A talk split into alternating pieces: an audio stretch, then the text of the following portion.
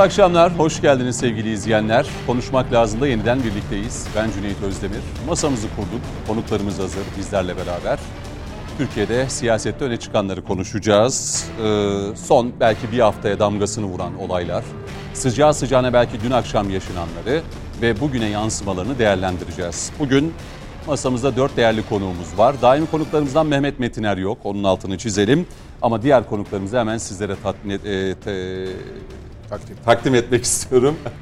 Değerli izleyenler, güvenlik e, ve terör uzmanı Coşkun Başbuğ bizimle birlikte. Hoş geldiniz. Hoş bulduk, iyi akşamlar. Teşekkür ediyorum. E, bugün ilk kez bizlerle birlikte olacak bir konuğumuz var. Değil Sabah gazetesi yazarı Tülay Demir Oktay. Hoş geldiniz. Hoş bulduk. Teşekkür Nasılsınız? ederim. Sağ olun, teşekkür ederim. E, gazeteci, yazar e, Gürkan Acır da bugün konuşmak lazım da bizlerle beraber. Gürkan Bey hoş geldiniz. Merhabalar sevgili Cüneyt, hoş bulduk. İyi yayınlar. Teşekkür ediyorum ve Genar Başkanı İhsan Aktaş da bu akşam bizlere eşlik edecek. İhsan Bey siz de hoş geldiniz. Sağ olun efendim, teşekkür ederim. Ee, hiç e, lafı uzatmadan hani konu başlıkları şunlar şunlar diyerek e, sözü de uzatmak istemiyorum. En büyüğümüzden başlayıp e, alanı da e, sürekli takip eden, nabzını ölçen, seçmeni sürekli takip eden, partileri sürekli gözlemleyen İhsan Aktay sizle başlamak istiyorum. Dün akşam saat 22 itibariyle yaşananları, hı hı. dün gece bayağı hatta haber kanallarına gece 1-2'lere kadar e, işte AK Parti'den çok önemli isimler kanallara bağlandı. Sayın Kılıçdaroğlu'nun iddiaları, e, kaçacaklar, Cumhurbaşkanı Erdoğan ve ailesi, işte vakıflar öne sürüldü. Oraya gönderilen e, paralar, bağışlar. Dün gece ne oldu size göre? Ya dün akşam ben e, Bursa Büyükşehir Belediyesi'nde bir sertifika programı vardı. Böyle çok da entelektüel bir programdı. Tabii onun hazzıyla biz o gençler, entelektüel tartışmalar, okumalar falan derken aslında ben konunun oluş şeklinden haberim yoktu. İstanbul'a doğru gelirken... Gündüzden takip etmediniz mi? Kılıçdaroğlu akşam 22'yi evet, bekleyin demişti. İşte cevapları e, ben dinlemeye başladım. Anlamaya çalışıyorum ne oldu yani. Nasıl bir şey olması lazım ki bu kadar e, cevap veriliyor, sert cevap veriliyor falan. Tabii sonra vakıf oldum. Bir gazeteci arkadaşı aradım.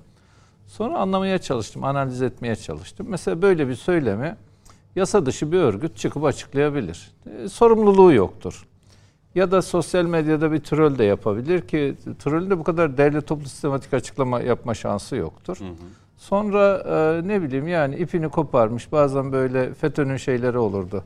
FETÖ'cü gibi gözükmeyen dernek başkanı, avukat. Ya hatırlayın o şey, kenetsizleri şunları bunları tipler vardı yani. Hı hı. Şimdi bu adamlar çıkar e, açıklama yapar. Te, ters oldu, örnek uymadı. E, böyle tipler vardı. Çıkar abi ölümüne açıklamalar yaparlardı. Hadi varsayalım ki bunlara da uygun. Fakat şimdi Türkiye'nin ikinci partisi ve iktidar olma iddiasında olan bir parti e, genel başkanı yani Cumhuriyet Halk Partisi genel başkanı çıkacak bir iddiada bulunacak.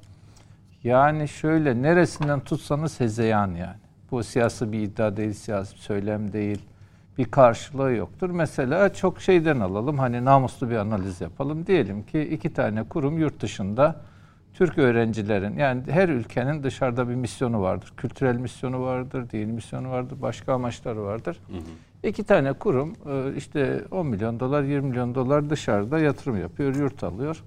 Kurumlara sorabilirsin. Yani e, işte kardeşim bu paranın kaynağı nerede, nereden geldi, nereye gitti?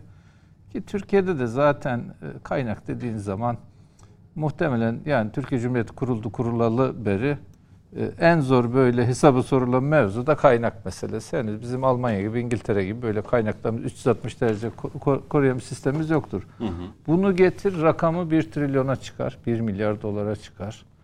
Bunu Cumhurbaşkanı ile eşleştir. Sonra onu da getir kaçma planı yap. Şimdi bir de öyle bir adama diyorsunuz ki kaçacak adam ya Türk halkı sokağa çıksın dediği zaman bizim e, yaptığımız araştırmalarda yaklaşık %55-60 halkın 15 Temmuz'da sokağa çıkmış. Yani bir el kaldırdığı zaman halkın %60'ını sokağa döken adam nereye kaçacak Yani halkın arasında kaçar yani kaçacak olsa. Ve büyük liderler e, şey yapar abi ölümü göze alır kaçmazlar. Kimler kaçar? Bu toplumun kültürüyle uzlaşmayan, tarihiyle uzlaşmayan, siyasetiyle uzlaşmayan, mayasıyla uzlaşmayan, köküyle uzlaşmayan, bütün siyasi hayatını, ömrü hayatını, beklentisini sömürgecilere, müstemleke e, adamlara Dün öyle, bugün de işte ya acaba işte Amerika göz kırparsa Türkiye'de gücümüz olur mu? Rusya şey e, Almanya göz kırparsa ya da terör örgütleri e, işte e, şey yaparsa yani onların manevi desteği olursa gibi siyaset yapanlar kaçar. Bir adım daha ileri bir yorum yapayım. Şimdi bu FETÖ hadisesi bir terör örgütü ve bunu artık işte hukuken de psikolojik olarak da Türk toplumunun terör örgütü olarak tanıyor. Mesela bu şey ses kaydı üzerinden olmasaydı bu açıklamayı e, yapılmış olsaydı böyle bir iddia var. Hmm. Yılda diyelim FETÖ zamanı olsaydı o gün kimse bunu e, Kılıçdaroğlu'yla eşleştirmezdi ki bu cümleleri de iddiayı da tarzı da FETÖ ile eşleştirirdi. Şöyle bir espri de yapayım. Yani şimdi biz FETÖ'nün e, işte bir gün geberip öbür dünyada şeytan kılığında mahşerde uyanacağını düşünüyorduk. Ya galiba adam reenkarnasyon diye inanan birisi değilim ben. Orta sınıf bir ehl sünnet vel cemaatçiyim. Ya galiba Kemal Kılıçdaroğlu içine kaçtı adam. Bunun tabi yoruma açık katı var. Ya burada da söylemekte beis yoktur. Bir Cumhuriyet Halk Partili arkadaş, nihayetinde biz abi toplumun kanaat önderiz ve her kesimle oturup kalkıyoruz. Bir gün bana dedi ki ya bizde bir 14. kat var abi. Bak özellikle Cumhuriyet Halk Partisi politikaları değil. Recep Tayyip Erdoğan'a yönelik söylemler yani onunla alakalı söylemler 14. katta pişiyor. Bizim genel başkanımız da bunu kağıttan okuyor. 13 değil miydi o? Ben 14 diye duydum. Hani 13'ü genelde 13 hep. 14. Bu, ha, 14 onu? bu 14 diye duydum. Hı hı. Ya isim vermeyelim hani Peki. isimlerden ve bu isimlerin de çok da tekin isimler olmadığını da Cumhuriyet Halk Partileri biliyor. Burada belki biz Türk kamuoyu olarak ya da Türkiye'nin sağcıları, muhafazkarları, dindarları olarak dünyayı okuma biçimimiz açık. Hı hı. Fakat burada Cumhuriyet Halk Partisi'nin rasyonel bir orta sınıfı var. Vatanperver, Atatürkçü, bazıları Kemalist, Ulusal milliyetçi. Şey. Ve bence bu insanların Cumhuriyet Halk Partisi takip partisini takip almaları gerektiğini düşünüyorum. Peki. Öz cümle bu kadar. Şimdi e, Gürkan Acır'a döneceğim. E, dün e, grup toplantısında e, 22'yi beklediğin dediği de Sayın Genel Başkan. E, yani beklentinin büyük demeyeyim de ya açıklayacağı bir kaçışın anatomisi diye bahsetmişti Sayın Kılıçdaroğlu grup toplantısında. Tabii o 5-6 dakikalık video sonrasında şöyle bir baktım. Açıklanması ya da muhtemel söyleyeceği şeylerin biraz sanki e, beklentinin altında kaldığı gibi bir havayı da ben sezinledim. Daha ne diyecektim? E, sonrasında e, sosyal medyadaki yorumlara baktık. Evet doğal olarak hükümet, işte hükümetin üyeleri kanallara bağlandılar, tepkilerini dile getirdiler. Kılıçdaroğlu son bir yıla baktığımızda işte devlet kurumlarına gidiyor. İşte saat 12'de orada olacağım, buraya geleceğim, işte bu belgeleri açıklayacağım. Bunları hep e, yapıyor. Dün de bunu yaptı. Bu, bu, bu bir genel bir strateji mi? Kılıçdaroğlu'nun belirlediği bir e, siyaset yolu mu? E, tabandan bu yönde olumlu şeyler geldiği için mi Kılıçdaroğlu buna devam ediyor? Mesela dünkü açıklamadan sonra bir e, nabız yokladınız mı? Ne oldu geri dönüş olarak? Daha farklı bir şey mi bekleniyordu yoksa Kılıçdaroğlu'nun söyledikleri ya asılsız bir iddia olarak havada mı kaldı size göre? Şimdi öncelikle ben İhsan Aktaş'ın söyledikleri üzerinden bir tabii, yorumla başlayayım. Tabii. Ee, İhsan Aktaş'la dışarıda çay kahve içiyoruz. Tabii buraya giriyoruz stüdyoya ama stüdyoda başka birisiyle karşılaşıyoruz. Şimdi mesela böyle bir ifadeyi bir AK Partili için içine Fethullah Gülen kaçmış veya Abdullah Öcalan kaçmış desek e, nasıl değerlendirir yorumlar? Şimdi bu ifade hoş bir ifade değil. Bir kere öyle öyle bir analiz yapmak yersiz, yanlış. Bir kere bunu ben peşinden bir söyleyeyim. Dış tesir olarak söylüyorum. İçine kaçmamış ama dışarıdan etki yapmışlar ama gibi. yani hoş değil ki yani. Şimdi mesela ben biz de söylesek o zaman yani şu bakanın, şu milletvekilinin içine veya Erdoğan'ın içine şu kaçmış, bu kaçmış. Bu ifade hoş değil. Tamam, bir mal biz neyi eleştiriyoruz? Bu dili eleştiriyoruz zaten. Şimdi bir de biz o dilin esiri olmayalım diye ben söylüyorum. Şöyle yapalım. Hani FETÖ tesirinin açık hale gelmiş diyelim. Neyse, o sizin yorumunuz olmuş. Daha kibar olmuş. Şimdi bunu söyledikten sonra şöyle hı hı. E, başlayalım. Şimdi ben Kemal Kılıçdaroğlu'nun grup konuşmasını dinledim. Hı hı. Grup konuşmasında dedi ki herkes beklesin dedi. Ben saat 22'de dedi şeyi açıklayacağım. Kaçış planlarını açıklayacağım dedi. Ve buradan da uyarıyorum dedi. Hı hı. Bu suça karışmış bürokratlar siz bu 100 kişilik listede yoksunuz dedi. Tam ifadeleri bu. Yani bir 100 kişilik kaçış planından söz ediyor. Hı hı. Ve bu 100 kişilik kaçış planı işte akrabaları, eşi, dostu vesairesi bunun içerisinde de suça bulaştığını iddia ettiği hı hı. bürokratların olmad olmadığını söylüyor ve bürokratları da son kez uyarıyorum dedi. Bundan sonra e, kanunen suç olacak işleri yapmayın hı hı. dedi. Şimdi böyle olunca bu beklenti tabii muazzam yükseldi. Herkes saatlerini kurdu. Saat evet. 22'ye ben de aynı şekilde. Yani bir orada bir kaçış filmi seyretmek için. Şimdi bence stratejik olarak ve e, algı olarak da e, doğru bir yöntem değildi. Neden? Çünkü hepimiz oturduğumuzda 5 dakika 51 saniye süren kısa bir video. Hı hı. Bu videoda da ne olduğunu görmediğimiz ama birkaç kağıt. tane gösterilen hı. kağıt vardı. Yani şimdi e, oysa ki ben şöyle bir şey beklerdim. Yani kaçış planı deyince daha somut, daha elle tutulur, daha gözde görülür bir plandan bahsetmek. Bir de ben şunu da yakıştırmam. Ee, her ne olursa olsun.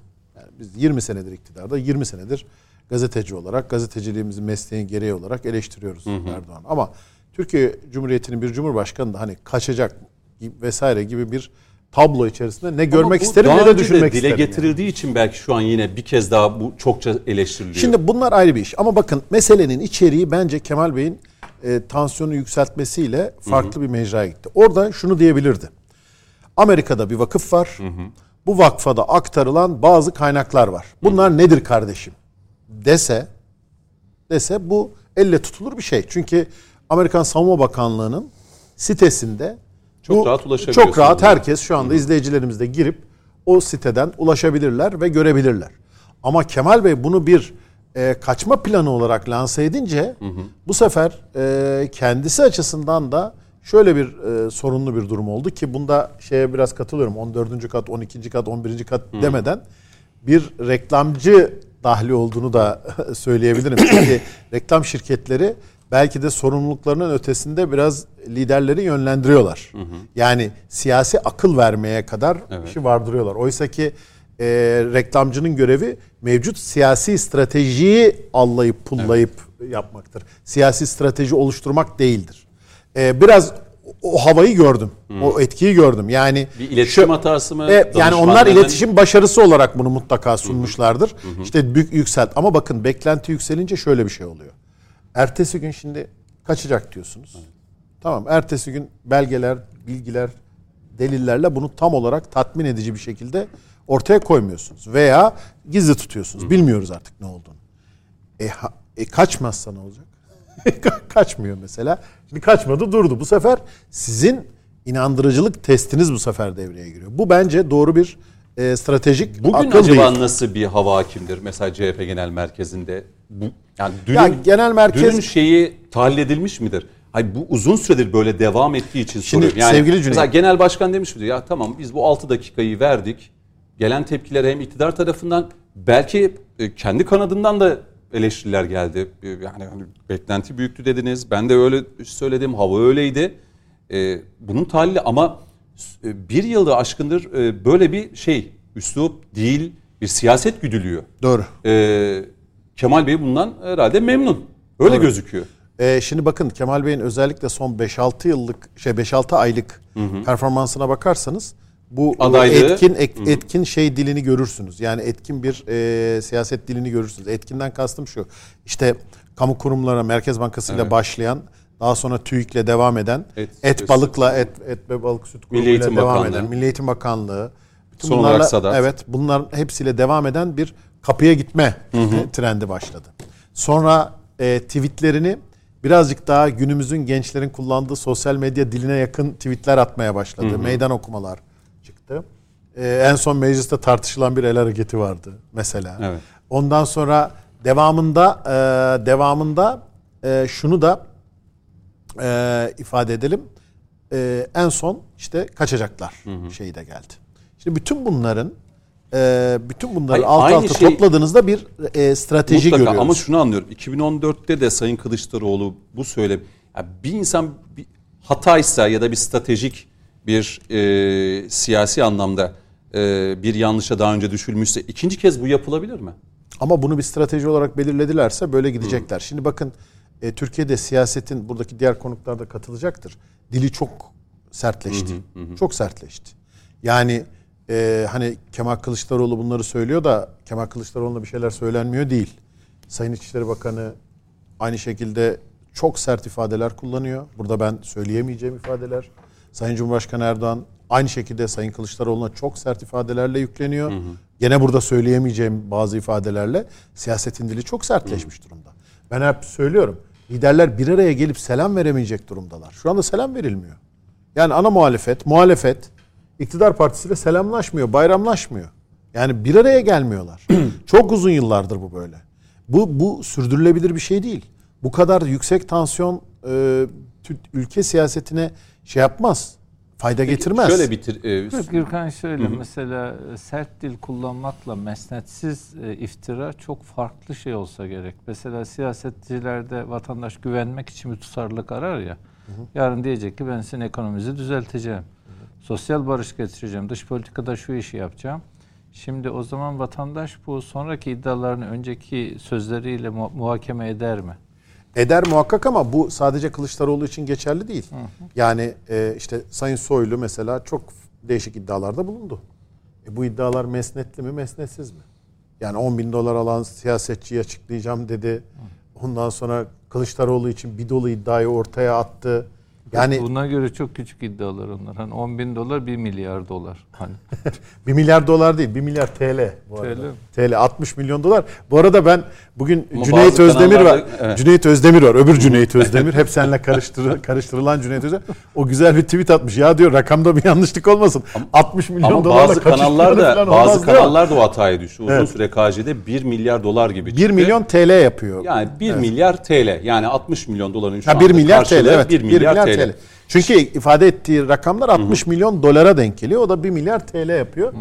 İşte bu 60 e, milyon dolara kaçış planı mı olur falan filan gibi Hı-hı. bir e, e, tweet de atmış. E, 4 tweetlik bir flut yapmış şey Cüneyt Özdemir. Genelde diğer Cüneyt Özdemir öyle tweetler attığı zaman bende de bir etkileşim artıyor dedim ne oluyor vesaire diye karıştıranlar var. Özetle ben şöyle toparlayayım. Şöyle toparlayayım.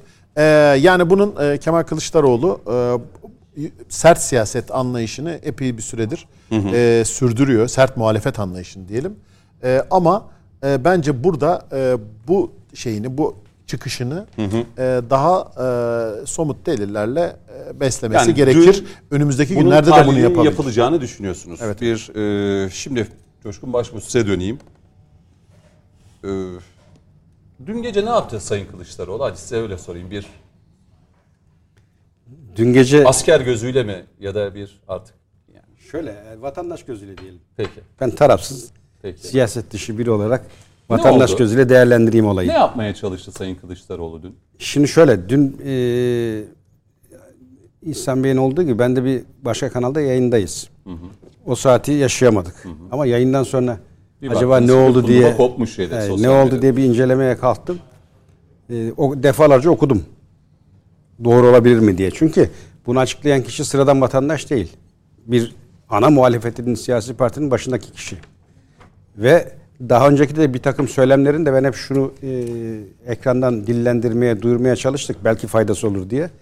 E, sıradan bir kişi olmadığı için bu tür kişilerin söylediği söze, ağzından çıkan lafa çok dikkat etmesi gerekir. Hani ben vatandaş Ahmet Yolda her şeyi söylerim. Karşılığı yok. Ama siz böyle bir e, vitrindeki kişi olarak bir ithamla veya bir sözle çıkıyorsanız bunun muhakkak toplumda bir karşılığı vardır. O nedenle çok dikkat etmek gerekir. Siyasi usluba diye çok defa duyurduk.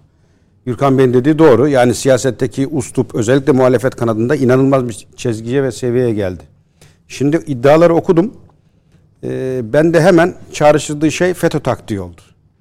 Çünkü bakın Fethullah Gülen denilen e, terörist örgütün başındaki kişi ve örgütünün taktiği Amerika'dan aldığı akıl hep bu yönde. Kendi aklında, kendi zihninde ne varsa karşıya yıkmakta mahir. Daha önce de, de örneklerini açıkladık.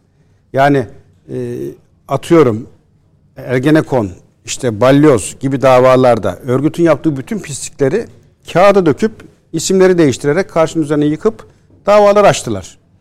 Casus dediler. Örnek bizim de içinde olduğumuz davada esas casus yapanların kendi olduğu ortaya çıktı. Yunanistan'a kaçacak dediler bizler için. İşte firar edecekler, dosyaları satıyorlar. Kaçarken kendileri yakalandı. Darbe yapacaklar, cami bombalayacaklar dediler. Meclisi bombalayan kendileri çıktı. Dolayısıyla öyle bir akıl işliyor ki karşı tarafta. E, akıl olmadığı için belki de zaten hazır senaryo var. Ekleme yapma adına şey yapacağım. Mesela dünkü o, o grup toplantısında buraya mesela ben takıldım bilmiyorum hani belki birazdan açarız. Ee, Sayın Kılıçdaroğlu şunu söyledi. Erdoğan vakıf süsü verdiği paralel yapılarla yurt dışına devasa paralar aktarıyor dedi. Ee, paralel yapılarla. Şimdi- vakıf süsü verdiği. Şimdi paralel yapılar işte benim o nedenle aklıma ilk etapta okur okumaz FETÖ geldi. Çünkü e, hani kaçacaklar dedi bizler için kendileri kaçtı.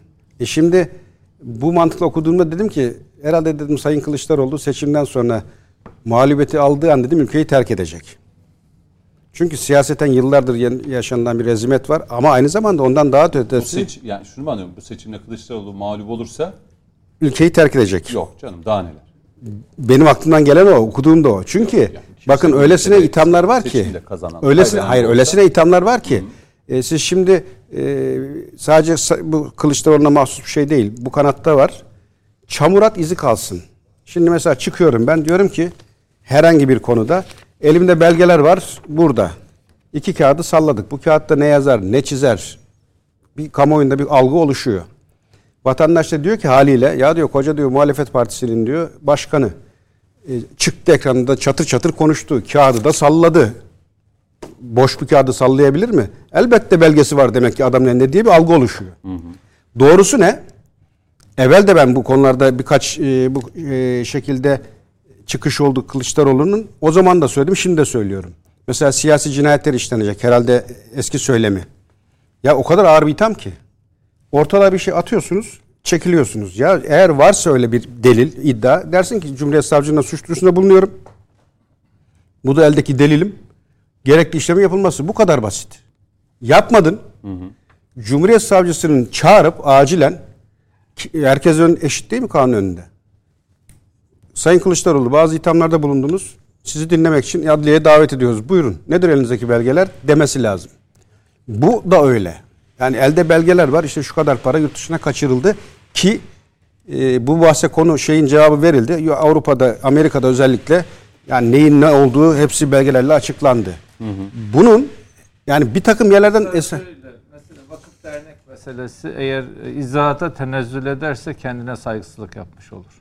Yani bir Türkiye'de bir muhafazakar vakıf, bir dini vakıf, dindarlara, e, milliyetçilere, muhafazkarlar o kadar kolay iftira ve saygısızlık atıyor ki şeyin e, Türk Türgev'inde Ensar Vakfı'nın da kendini izah etmemesi lazım. Ettiler. Bence hat- hata ettiler. Söyleyeyim sana. Hat- Nasıl bunlar yani dünkü bu, kamuoyuna bu, bu, bu, bir- bu yedinci sınıf, bu yedinci sınıf iftira karşısında eğer izahatta bulunurlarsa, kendilerini anlatmaya çalışırlarsa hata ederler diye düşünüyorum.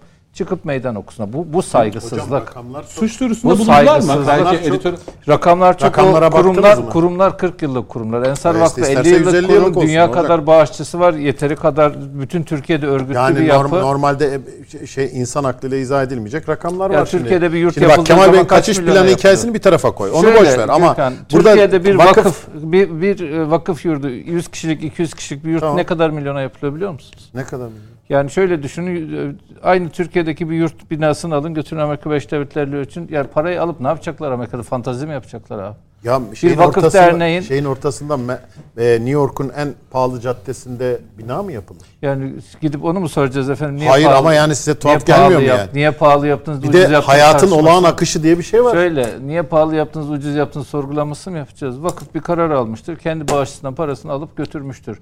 Bunu e, ben öyle düşünüyorum. Bu ilk kez değil. Yani şöyle düşünün bir şeyde e, Size tuhaf gelmiyor yani. bana şöyle tuhaf Beşinci geliyor. caddede Bana şey, şöyle şeyin 7. olması- sınıf 7. sınıf iftiraya cevap vermek bir kurumun kendine olan saygınlığını giderir. E, Bu buna karşılık sadece meydan okunur. Buna cevap verilmez. Kusura çok bakmayın. büyük bağış alan vakıflar bildiğim kadarıyla çok fazla var Türkiye'de. Yani bu ister Ensar olsun ister başka bir şey olsun. Yani Türkiye'nin çok önemli holdinglerinin e, çok önemli e, iş adamlarının milyonlarca dolar bağış 28 yaptığı vakıfları da ben biliyorum da. korkusundan e, şu vakıflara yani askerlerin kurduğu vakıflara tonlarca milyon dolar aktarıldı. Kimse bunun hesabını sormuyor. Ve korkudan yaptı holdingler bunu. Çok da severek manevi duygularla yapmadı. Ensar Vakfı 40 yıllık kurum öyle 10 tane ayrı ülkede 10 tane iş yapacak kapasitesi var. Ee, gidip e, gitsin mahkemeye versinler, şey yapsınlar ama şöyle sabah erken kalkan muhafızkar bir vakfa iftira atıyorsa sonra kalkıp da muhafızkarlarla barışma falan İki vakıf da açıklama yaptı sosyal medya hesabından. Ben Döneyim. lüzum görmemeleri gerektiğini Ee, düşünüyorum. ama hani mesela Sayın Cumhurbaşkanı'nın avukatları e, hukuki mücadelemi başlattıklarını e, belirttiler ama e, vakıflarla alakalı bir hani Sayın e, Kılıçdaroğlu hakkında bir suç duyurusu ya da bir hukuki süreç başlatacaklarına dair bir açıklama gelmedi. Onun altını ben çizeyim. sadece şey açısından bakıyorum. Yani toplumsal Ya bu- psikoloji açısından bakıyorum ve vakıftakilerin tutumu açısından bakıyorum. Şöyledir. Saygı değer, saygın, saygıya muhatap olabilecek bir refleks karşısında çıkarsınız, kamuoyuna açıklama yaparsınız. Bu bir değil, iki değil, on değil. Bakın şeyde yani e, adalarda bir tane Cumhuriyet Halk Partisi işletmeci çocukların e, kiraladığı yurda konmak için bütün örgütü çağırdı. Şöyle düşünün. e, şey Cumhuriyet Halk Partisi parti örgütü 30 ilçenin 20 tanesi toplandı, kalktı adalara gitti. Şeye baskın yaptı. Tür- Türk Türkiye Genç Vakfı'nın işlettiği yere baskın yaptı. Mahkeme karar dediler, şu dediler, bu dediler. Karşım devletin bir işleyen mekanizması var. Hakimi var, savcısı var, polisi var. Bir yurt boşaltılacaksa, bir mekan boşaltılacaksa devlet boşaltır. Ya ada- Canan Hanım aldı. İhsan, İhsan Bey Allah aşkına deniz manzaralı 2000 lira kiraya verilmiş ya. Öyle şey olur E, mu? hayır ya? işi. Orası yani hayır işi olur mu? Orası bu- bu manzaralı bir yer şöyle, ya. Manzaralı Çocuklar meyhaneciye orada- mi verecek? Meyhane- aşağıdaki ne meyhane- meyhaneci ne istiyor. alakası? Ne aşağıdaki istiyor? aşağıdaki adam Oranın meyhane gelir gider işletiyor. hesabı var. 2000 liraya Şöyle, verilmiş orası zamanında Aşağıdaki yapmayın. de 1000 liraya kalıyordur Maltepe ilçe başkanı muhtemelen. Şöyle. Benim Muhtemelen. sadece e, yok Muhtemelen. e, biliyorum yani söylemiyorum. Şöyle e, Türkiye'de bu 100 yıllık bir alışkanlık. Bugün ortaya çıkmadı. Dindar bir adama, muhafızkar bir kuruma, Vakıf. e, milliyetçi bir adama iftira atıldığı zaman geçenlerde Oğuzhan Bilgin çok güzel bir yazı yazdı. Türkiye'de milliyetçilik ve Müslüman düşmanlığı diye çok yerli yerinde okkalı bir yazıydı, düzgün bir yazıydı. E, Bu, bu şeyin, bu trollüye, bu ucuzluğa ben kurumların fırsat vermemesi gerektiğini Peki. düşünüyorum. İşlerini yapmaya devam etsinler. Mahkemeye vereceklerse de çıkıp e, 80 bütün illerde mahkeme salonlarına gidip haklarını arayabilir Peki. kurumlar diye düşünüyorum. Bitirmesi için Coşkun Bey'e tekrar. böyle bir Şimdi bu, bu söylem ilk mi? Değil. Ee, yani bu 15 Temmuz sürecinde de yaşandı, 17-25'te de yaşandı. Ee, ve Kılıçdaroğlu Fethullah Gülen'in televizyon kanallarını çıkarak bu tür ithamlarda bulundu. Hatırlayalım Samanyo. Samanyolu TV'de 17-25'te Erdoğan helikopter hazır kaçacak dedi. Bu masal hep işleniyor. Ee, dedi ki Malezya'ya kaçacak dedi bir başka söyleminde. Yine bir başka söylemde Yunanistan'a sığınacak dedi. Yani sürekli değişen bir coğrafya ve e, bu kaçacak e, senaryosu 15 Temmuz'da da hazır bekletildi. E şimdi kaçmıyor. 15 Temmuz'da o ateşin içine inen İstanbul'un göbeğine inen gene Sayın Erdoğan'ın kendisi oldu. Şimdi bu cümle aslında e, Kılıçdaroğlu şöyle de bir hataya da düştü bana göre. E, benim aldığım hava ki pazar akşı, pazar günü e, Atatürk Havalimanı'nda olacağız işte bu fidan dikim ve fethiğin de yıl dönümü nedeniyle. Orada bir miting olacak anladığım kadarıyla ve e, AK Parti seçmenini belki küskün belki dargın olan seçmeni konsolide etti. Yani ben dün akşam şeylere baktım atılan tweetlere. İşte pazar günü Sayın Cumhurbaşkanı yanında e, miting alanında olacağız. Kaçmıyoruz, buradayız diye. Yani bir taraf kaçamayacaksınız diye bir etiket açmıştı dün.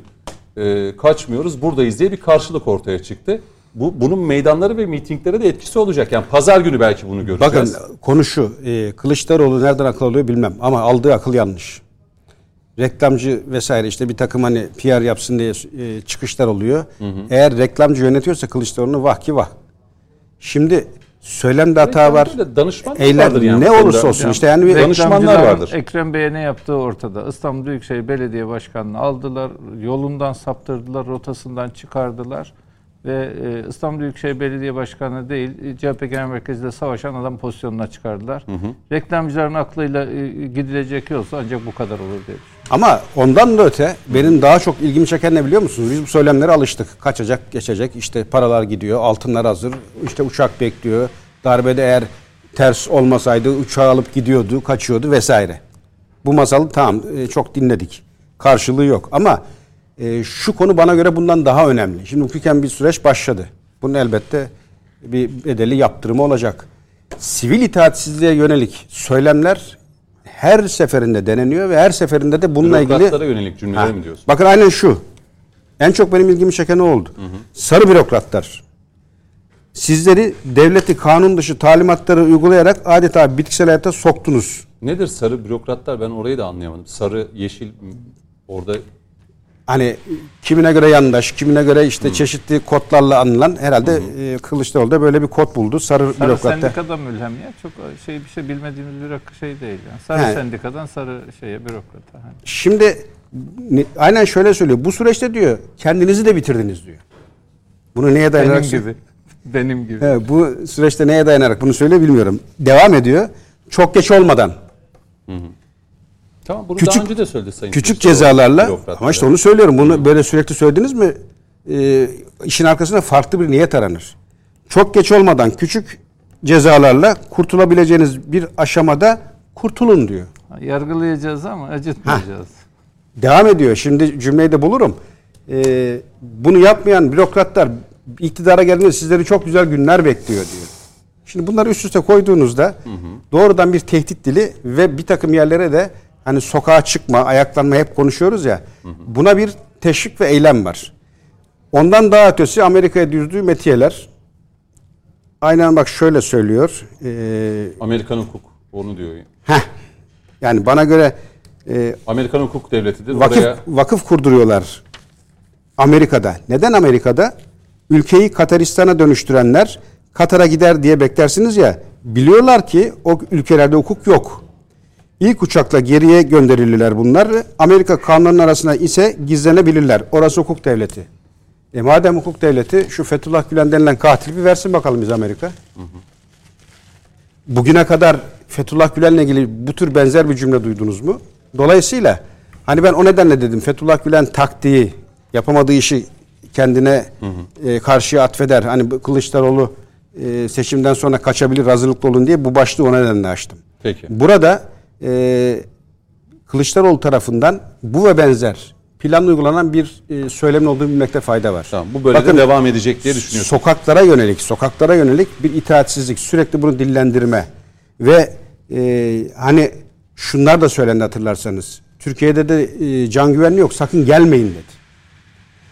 Türkiye'ye yatırım yapmak için gelen iş adamları ki bugün dünyada İngiltere dahil en çok yatırım yapılmak istendiği ülke Türkiye. Yatırım yapmaya falan sakına gelmeyin paranızın garantisi yok dedi. E şimdi soruyorum. Amerika'nın büyükelçisi çıktı dedi ki CHP'nin bir mitingi var. Sakın ha dedi gitmeyin oraya Amerika vatandaşları. Olaylar bekliyoruz. Şimdi Fleck denilen kişi yani bu söylemin ifadesini herhalde dışlarında almışlardır. E, sormuşlardır neye karşılık diye. Kılıçdaroğlu'nun sakın ülkeye gelmeyin can güvenliği yok söylemle farkı ne?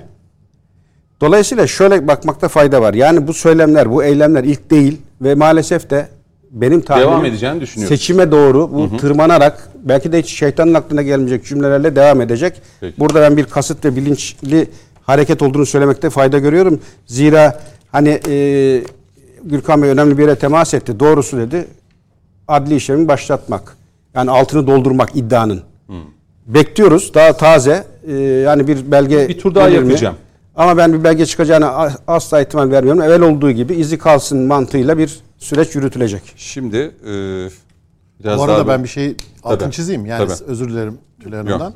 Ee, yani ben kaçacak iddiasına ilişkin bir belge ve bilginin ortaya çıkması ve konulması gerektiğini söyledim. Hı. Yoksa aksi takdirde bu vakıflara yapılan e, bağışlar ve orada açıklanamaz durumlarla ilgili belgeler var. Belgeler ortada. Onların kaçtığı göçtüğü bir şey yok. Ya, belgeler önceki ortada. belgeler gibidir. Ee, önceki belgeler değil. Gayet açık. Ben yok, size söyleyeyim. Şey, Şimdi buraya toplanan e, şeylerin önceki e, Kılıçdaroğlu'nun önceki açıklamaları var onlar Şuradan izleyicilerimize söyleyelim. Hı. Savunma sanayi İngilizce bilenler girsinler. Amerikan Savunma Bakanlığı'nın şeyleri var, linkleri var. Yurtar Özcan'ın da Twitter hesabında Hı. linkleri paylaşmış. Girsinler bakalım. E, Türkan Vakfı'na ne kadar bağış yapılmış. Hı. E, bu bağış yapılan rakamlardan yüzde kaçı öğrencilere burs olarak dağıtılmış? 20'de biri. Kalanı ne yapılmış? İnşaat yapılmış. Muhammed Ali'nin çiftliği alınmaya çalışmış. Alınmış. Ee, dünyanın en pahalı caddesine bir inşaat yapılmış. Bak dünyanın en pahalı caddesi diyorum. New York'ta. E, Filarmoni Orkestrası, New York Filarmoni Orkestrası diyorlar ya Amerika'ya işte Kemal Kılıçdaroğlu şöyle yapıyor böyle. Filarmoni Orkestrası'yla ne işi var ya? Filarmoni Orkestrası'na 1 milyon 31 bin 572 dolarlık para verilmiş. Nerede bu? Belgeli şeyde var. E, dekontlarda var. Hillary Clinton'a bağışta bulunulmuş. 5 bin dolar. Bunlar hepsi kayıtlı. Yani şimdi bunların hesabını sormak belgeye belgeye değil. Belgelerin hepsi ortada. Bunlarla ilgili kaçılan bir şey yok. Artı iki sene önce hatırlayın başkent gaz tartışması vardı. Ankara'da e, şey gaz dağıtımını yapan başkent gaz vergiden düşmek için Kızılay üzerinden Ensar Ensar üzerinden buraya gönderdiği bir para ortaya çıkmıştı. Bu konuşulmuştu. Onun da vergiden düşüldüğü ortaya çıkmıştı. Yani dolaylı olarak vergi indiriminden de faydalanılmıştı. Yani olayın Kemal Bey eğer demese ki kaçacak vesaire olayın kendisi aslında tartışılıp konuşulup üzerine gidilmesi gereken Burada bir konudur. Bağış yapan adamın bağışını mı koruyor? Vakfı daha iyi çalışsın diye bir teşvikte mi bulunuyor? Nihayetinde vakıflar 40 yıldır açık. Bütün siyasi dönemlerde açık kalmış, etkinlik yapmış ve aslında duruş olarak da iktidarlara muhalif bir duruşu olan bir vakıftı. Ve bugüne kadar da yüzünün akıyla gelmiş. Daha çok ensar üzerinden gidiyorum. Muhalif derken kime muhalif? Şöyle muhalif yani o günkü siyasilere muhalif şeydi. Yani Kim, ensar mı? Şöyle ensar şöyle son 20 yılda. Son 20 yılda değil. Ha. Ensar 60 yıllık bir vakit. E, tamam. Yani şöyle diğer siyasi partiler zamanında da çalışmış, icraat yapmış, yayın yapmış, açık kalmış ve bu toplumun e, şeyini mahşeri vicdanda karşılığı olan bir vakıftır. Tamam, Burada Kemal Kılıçdaroğlu bağışçıyı mı koruyor, ensarı mı koruyor yoksa şunu olabilir yani bu ülke hani çok fakir fukara bir ülke 40-50 milyon dolara niye siz yurt yapıyorsunuz? Burada da şöyledir. Ya Türkiye'nin muhafazakarlarının şeyi şudur. Amerika Birleşik Devletleri'nde bir adım atıyorlarsa Türkiye'yi büyütmek çabasıyladır kültürümüzü yaymak çabasıyladır. Türkiye ile alakalı da böyle bir eleştiriler gelmiş yani bu kadar para vesaire ama. Ya Türkiye abi şöyle ona eleştiri gelmez nihayetinde gelse Yok, de. geldi yine geldi bu kadar dakika, para dur, verilir mi? Cüneyt bir dakika İhsan Bey güzel bir şey söylüyor. Muhafazakarlar Amerika'da bir şey yaptıkları zaman Türk ne, ne yapmak için? mi örnek vereceksin? Ya Kafamıza bomba yağdırdılar adamlar ya. E, evet özür dileriz ya. Çok özür dileriz. Dört özür dileriz. Özür dileriz. Tamam. Devam edeceğiz. Bir tur daha yapacağım. Dinlediniz konuklarımızı. Dinliyorum, Belki evet. sizin de bu bağlamda e, değerlendirmeniz olacaktır. Dünkü yaşananlar ve bugüne yansımaları. Yani ben e, aslında herkese e, yani çoğunluk olarak katılıyorum anlattıklarına da. Hı hı. ya şimdi e, Sayın Kemal Kılıçdaroğlu başından beri yani bu birkaç aydır hemen hemen e, bu şekilde ilerliyor. E, hep bir provokasyon ve kaosa yönelik bir çalışmayla e, seçime e, hazırlanmaya başladı. E, hiçbir vaatler e, vaat yok ortada sadece provokasyonla işte elektriğini kestirerek yani o öyle biraz baş... bir önce bir kurumların kapısına giderek başladı. E, beni içeri almıyorlar başladı. Sonra da e, ya elektriğini kestirdi oradan güzel bir algı yaptı. Hı hı. Onun arkasından yine bir e, Sadat'ın kapısına gidildi. E, şimdi de e, benim aslında ben onu ilk gördüğümde e, Twitter'da şoka girdim. Böyle bir şey nasıl paylaşabilir? Böyle bir şey yani ne olacak? Yani ve biraz içeriğine baktığımda da aslında şunu gördüm.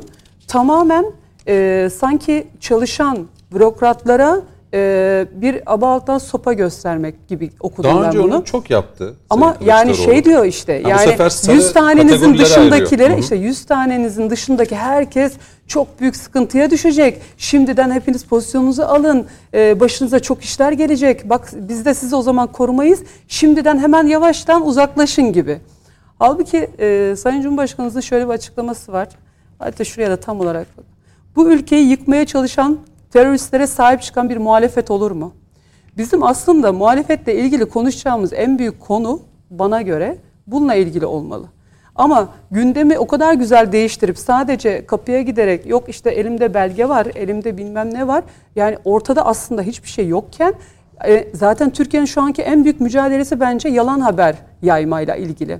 E, bunu da zaten e, görüyoruz da Cumhurbaşkanı iletişiminde de görüyoruz. Yurt dışında da görüyoruz. Hı hı. E, bir sürü vakıfların veya da kurumların hep bir birileri size çamur atıyor, bir yalan söylüyor. Siz sonra o yalandan kurtulmak için dedi ki, çabalıyorsunuz. Yani, hani bu kaçacak, maçacak, evet. bunun anatomisi. Hani bunun olmadığını gördük ama sadece hani şu vakıflar ve oraya gönderilen paralar üzerinden bir Hı-hı. değerlendirme yapsaydı belki bu iş yerine otururdu diyor. E, elbette. Oradaki Çünkü onu böyle söylemesi 60 milyon dolar yanılmıyorsam son 7-8 yıla evet, yayılarak giden? Ya e, böyle bir şeyle çıkmadı. Çıkış şöyle. İnsanları tamamen Doğru. korku ve kaosa kaçacak. Yani kaçacak bir suç işlendi ve kaçıyor. Biz hepimiz büyük bir şey, bir olay falan var zannettik. Ne anlatacak diye hepimiz bekliyoruz. Anlattı e, ve gördüğümüz şimdi hepimiz yani e, bu ne şimdi yani? Bu ne şimdi? E bu şu yani herkese korku saldı, bir kaosu sürükledi e, ve e, insanları bir şekilde zaten daha öncesinde de sokağa dökmek için birçok kez böyle bir şey oldu, söylemleri oldu. E, onlar da or, onlar da aslında gerçekleşmeyince bu kez yine de o korkuyu psikolojik olarak yaymaya başladı. Tamamen bir psikolojik yani yönlendiren ajans PR ajansı galiba çok iyi bir ajans. Tamamen şu an korku üzerine, insanlar üzerinde korku ve baskı kurarak. Ya bunu zaten e, terörist başı e, Abdullah Öcalan PKK ile zaten o Kürt halkına nasıl korku, baskı, şantajla bugünlere bu e, e, işlerin geldiğini e, hepimiz aslında izliyoruz. Bizim şu an legal olan faaliyet gösteren hiçbir e, bir e, siyasi oluşumun böyle bir söylemi olamaz yani. Kaçacaklar ve siz kimden bahsediyorsunuz? Bu ülkenin cumhurbaşkanından bahsediyorsunuz. E seçime zaten ne kadar zaman kalmış? Seçimle Artık gel, yani Seçim seçimle seçim girdik. seçilmiş olan insanlar, e, seçilmese gidecek olan insanlardan bahseder, bahsederken sanki bir suçluyu e, e, şey işaret eder gibi bu olmaz yani. Bu tamamen seçim öncesi bir kaos yaratmak diye görüyorum ben bunu. Ki halbuki bütün oklar aslında tamamen şu an altılı masası da 6 artı 1'i de yapılan bütün konuşmalarda aslında bütün eylemler de tamamen bizim e, ülkenin tamamen güvenliğiyle alakalı konular olması gerekirken ki neredeyse en büyük tehdidimiz bizim terör ve sınırlarımızın e, işte ötesi veya içimizdeki e, yapılanmalar ki benim kitabımda bir sürü şu an işaretledim bir sürü örnekler de göstereceğim. Bizim konumuz buyken konu tamamen saptırılıp suni gündemlerle hani neredeyse haklı çıkacak kadar bir de iftira atacak kadar ortaya çıkması beni aslında çok şaşırttı. Peki bu şekilde devam eder mi Sayın Kılıçdaroğlu'nun yani? Yani eğer şimdi e, hani Sanki bunun e, devamı Bence gibi de bir gelecek şey. gibi çünkü şöyle sanki bir e, e, yol haritası mesela ben tabii yıllarca e, magazinde de e, sanatçı arkadaşlarımla da çalıştım. E, böyle bir şey yapılır. Buradan e, sanatçı arkadaşlar ve albüm çıkaran arkadaşlar bilirler ya da dizi yapan arkadaşlar bilirler. E, bunun bir yol haritası çizilir. E, ve işte kiminle yakalanırsan ne kadar reyting alırsın, kiminle yakalanırsan albümün daha fazla dinlenir, hangi programlarda senden bahsedilirse, kıyafetin bahsedilirse e, daha fazla olsun, negatifte Ama konuşulursa öyle ya sana da böyle son böyle zamanlarda yol haritası bir de gündemi çizilmiş. de belirliyor ve konuşuyoruz. Gündemi işte. belirliyor. Yani hatta bu e, hatta kanal ya da ö- muhalif kanallarda da biz bunu görüyoruz. tamamen öne çıkarak zaten. Yani e, Mansur Yavaş'ı da e, attı kenara, e, Ekrem İmamoğlu da tamamen kenara atıldı. Zaten ön plana çıkmış durumda yani tamamen. Yani hani neredeyse artık e, CHP'nin e, adayının kim olduğunu belirleyecek kadar yani tamamen böyle e, kendi kendisini tamamen güzel bir şekilde konumlandırdı. Aslında buraya kadar bir şey yok ama kaçacaklar söylemi beni bir e, sadece Türkiye vatandaşı olarak sadece Türkiye vatandaşı sıradan bir insan olarak çok Rahatsız şaşırttı, etti çok rahatsız etti. Hiç hoşuma gitmedi gerçekten. Şimdi e, Gürkan Bey size döneyim. Yani Kılıçdaroğlu'nun bu aday olma konusundaki hırsı mı diyelim, arzusu mu, isteği mi e, bu şekilde bir siyaset izlemesine sebep oluyor. Mesela Maltepe mitingine bakalım.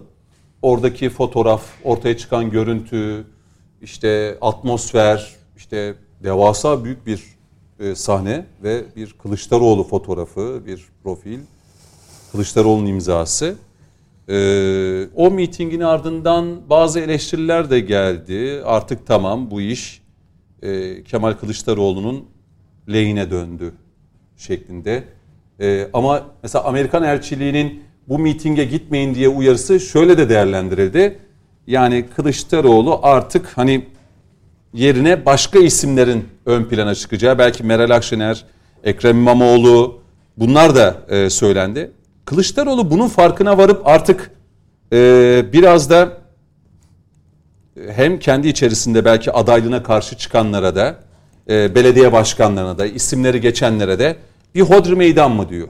Yani dünkü durum yaşadığımız olay da buna bir şey midir? Örnek midir? Valla şimdi e, yani dünkünden bağımsız olarak şunu söyleyelim. Bir kere e, şeye çok var. Cumhurbaşkanı Zaman seçimi. çabuk geçecek. Şimdi bir yani sene siz seçim şey diyoruz, dediniz. evet. Aha. Ama yani Süleyman, rahmetli Süleyman Demirel'in 24 lafı saat. vardı. Evet. 24 saat hı, siyasette siyaset çok için. çok uzun bir süredir diye. Türkiye'de daha da uzun bir süre gerçekten. Yani ne bir, bir bakın Allah aşkına son 3 ayda ne gelişmeler yaşadık ya. Nereden nereye geldi mevzular? Ki önümüzdeki dönemde de ne, ne gibi gelişmeler olacağını bilemiyoruz. Öngöremiyoruz. Yani e, siyasi olarak kim geride kalacak, kim düşecek, kim kalkacak. Yani adaylar Bunu anlamında. neden sordum? Adaylar Dün anlamında. Sayın Kılıçdaroğlu bu açıklama yaptıktan sonra İstanbul Büyükşehir Belediye Başkanı Sayın İmamoğlu tweet attı. Öğrenci, vakıf ve yurtlarla alakalı. Ama çağrıda bulundu şey. Biliyorum çağrıda Ha. bulundu ve ilk kez Kılıçdaroğlu ve İmamoğlu arasında böyle Twitter'dan da bir etkileşim oldu. Daha önce olmamıştı. Evet. Şimdi vallahi Onu yani- da söyleyeyim yani. Tabii tabii. Hani- Ya şimdi ben buradan açık bir şekilde konuşayım. evet. Kılıçdaroğlu e, Çok istiyor adaylı, mu? adaylı, Çok istiyor mu? adaylı net ve açık bir şekilde istiyor. İstiyor. Bir. İstemeyen var mı Devam içeride? edeyim dur Peki. size manşetlik olmuş olsun o laflar. İmamoğlu da istiyor. Ekrem İmamoğlu da istiyor. O Onu da istiyor, biliyoruz. O da istiyor. Yani bunu hiç saklamaya, e, gizlemeye gerek yok. İmamoğlu. İmamoğlu Kılıçdaroğlu'nu istiyor mu adaylığını? Şöyle Ben yani benim bildiğim Kılıçdaroğlu İmamoğlu'nun adaylığını istemiyor. istemiyor. Tabii o net. Zaten söyledi de bunu. Doğru. Yani hem İmamoğlu hem Tabii. Yavaş devam etsinler. Devam edecekler işlerine dedi. Devam etmeliler dedi. Ama e, Ekrem İmamoğlu şunu söylüyor, şunu düşünüyor. Hani Kılıçdaroğlu benim genel başkanımdır. O adaysa tamam ama değilse ben adayım şeklinde. Buna e, yorulacak, buna yorumlanacak bir açıklama yaptı e, İmamoğlu. Dolayısıyla bunu yerlerine koyalım. Yani herkes adaylığı cebinde tutmaya çalışıyor. Ama dünkü Ama- etkileşim sorusu Ekrem İmamoğlu da sanki Ama bakın siz Maltepe mitinginde atlamışsınız. E, Kemal Bey'in direkt yanından görüntü verdi. diyorum ama Mesela diğer belediye başkanları o kadar yanında değildi. O gezi anneleri çıktığında onların altta e, dinlerken Kemal Bey birebir yanındaydı. ben de bu Ee, bağlamda soruyorum. Ekrem İmamoğlu'nun dünkü etkileşimi yani yurtlarla öğrenci işte bunların yapımı için talimat aldık yapacağız diyerek sanki evet Kılıçdaroğlu adaylığını açıklasa Ekrem İmamoğlu e, Ya genel şimdi başkanın siyasette tabii siyasette şöyle bir şey var sevgili Cüneyt. itiraz etmeyecek gibi. Tabii şöyle bir şey var sevgili Cüneyt. Yani siyasette bazen istemediğiniz kararları almak durumunda kalırsınız. Bu her siyasi parti genel başkanına e, uyarlayabilirsiniz bu sözümü yani. Değil mi? Yani Kesin. mesela kardeşim Abdullah vardı değil mi yakın tarihimizde. Evet. 2007'de Tayyip Bey istemeye istemeye Abdullah Gül'ü E şey, e, o zaman ama biz ne diyorduk? Aa bak bunlar Sevgili kardeş kardeşler falan başkanımız- Sonra neler oldu gördük. Neler oldu yaşandı. Yani kongreyi öne çektiler sırf bir daha geri dönmesin partiye vesaire diye. Dolayısıyla yani e, siyasette bunlar olur.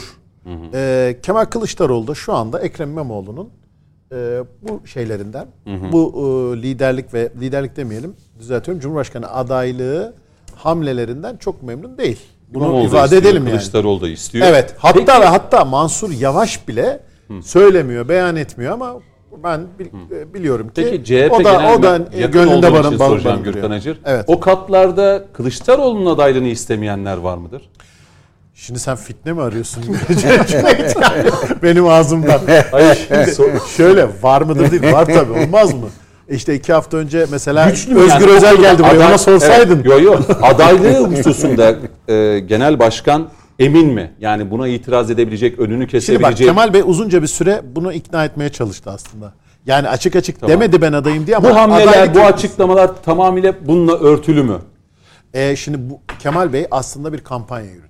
Şu an. Cumhurba- e, bence yürütüyor. Yani Cumhurbaşkanlığı adaylık gitmek, kampanyası. bu açıklamaları yapmak vesaire. Yani çünkü e, siyaseti force ediyor. Doğru yanlış. Bak orasını bir tarafa koyalım. Ama force ediyor. Ne diyorsun sen? Burada her gün konuşuyoruz Evet, Kemal Kılıçdaroğlu. konuşuyoruz. Bir şekilde force ediyor ve risk alarak da ediyor. Yani kendi siyasi kariyerini de riske atarak ediyor. E adaylık bu kampanya şeyidir. Yani bu kampanyanın devamıdır. Ki ve her bir gün risk. gündemde tutuyor, tutmaya çalışıyor. Her gün. Ya bir gün elektriği kesiliyor, öbür gün TÜİK'in kapısında görüyoruz. Bugün kaçacaklar diyor falan. Dikkat edin son 3 ayda Kemal Kılıçdaroğlu'nun olmadığı bir gündem başlığı yok neredeyse. Her gün gündemde. E bu şu demektir artık Cumhurbaşkanı talibi. Fakat ben sorun Cumhuriyet Halk Partisi'nin içerisinde değil Millet İttifakı Nerede? içerisinde. Bence Masada mı? ma- evet. Yani şöyle yani ben İyi Parti'nin çok fazla gönüllü olduğu kanaatinde değilim.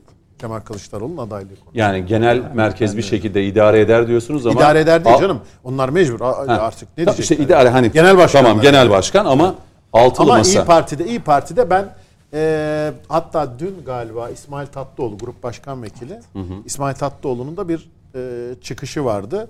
Adaylar Akşener, e, şey İmamoğlu ve şey de olabilir dedi. E, Mansur Yavaş da olabilir şeklinde. Tam bulurum şimdi o ne dediğini. E, böyle bir açıklama da yaptı. E, bu İsmail Tatlıoğlu yani Akşener'den ve genel merkezden bağımsız konuşmaz. Dolayısıyla onun o konuşmasını tabii ki ciddiye. Tam kelimesi kelimesine Anladım. bulurum ben Teşkilat, şimdi. taban, genel merkez. İyi Parti'de Kemal Kılıçdaroğlu'nun ismine karşı, Cumhurbaşkanlığı adaylığına karşı e, şu an için bildiğimiz bir mini direnç var. Onu Risk söyleyeyim. alarak dedi İhsan Aktaş ki evet bir risk çünkü genel başkan adaylığı olduğu takdirde eee, seçilemediği zaman genel başkan koltuğu da gidiyor değil mi bildiğim Belki kadarıyla? orada E- genel başkanlığı bırakmadan yarışa girebilir. Ha öyle mi? Ben öyle bir ihtimal Peki o görüyorum. zaman sözü size bırakayım. Belki Gürkan Hacı'nın söylediklerinden hani Var mı Gürkan? Yok bu kadar. Yok. Altılı Masa'dan İyi Parti'nin Meral Akşener'in buna evet demeyeceğini. Yani mesela Abdullah Gül'de de Meral Akşener bir engel oyunu bozmuştu. koymuştu. Burada da Kılıçdaroğlu'nun adaylığını Ya şöyle adaylık meselesi gerçekten çok bilinmeyen bir denklem. Ee, sadece bir parti açısından da yorumlamak yetmiyor. Diğer partileri de denkleme katarak yorumlamak lazım. Öncelikli olarak Cumhuriyet Halk Partisi'nde e, yarış ne kadar olursa olsun nihayetinde bir partinin kurumsalı vardır ve kurumsal e, şeye daha çok Kılıçdaroğlu'nun adaylığına doğru bir eğilim gösterdi. Aslında diğer partilerde bir genel başkan kendi eğilimini gösterdikten sonra parti tahammülleri gereği genel başkan eliyle kahramanlaştırılmış tipler çok fazla mırın kırın etmezler ama Cumhuriyet Halk Partisi'nde bu olabiliyor. Bir de Cumhuriyet Halk Partisi'nde bir gelenek daha var mesela sadece partilerde olmayan. Her bir siyasi figürün medyada uzantıları var. Mesela şöyle iki aydır medyaya baktığınız zaman aslında e, işte Kılıçdaroğlu ve Ekrem İmamoğlu değil ama adamları bayağı bilinçaltında çatışıyorlar. Yani onu da medyadan. Yani bir Halk TV'ye baktığınız zaman aslında resmi çok güzel okuyabiliyorsunuz. Ben nihayetinde Kemal Kılıçdaroğlu'nun adaylığının Cumhuriyet Halk Partisi açısından sorunsuz olduğunu düşünüyorum. tamam ama Burada- Altılı Masa'da bu e, Geliyorum. ittifakın bu, büyük Tabii, bir sorun olacak gibi öyle gözüküyor. Şöyle, şimdi altılı masayı ikiye ayırmak lazım. İyi Parti'yi başlı başına değerlendirmek lazım. Diğer partileri ayrı değerlendirmek lazım. Şimdi son bir aydır İyi Parti siyaset namına bir şey söylemiyor. Bir durgunluğu vardı. Aslında pi- piyasayı okuyor, Cumhuriyet Halk Partisi'ne bakıyor. Kendi gönlünde yatan aslana bakıyor. Yani nihayetinde Cumhuriyet Halk Partisi de ya bu kadar saf değil.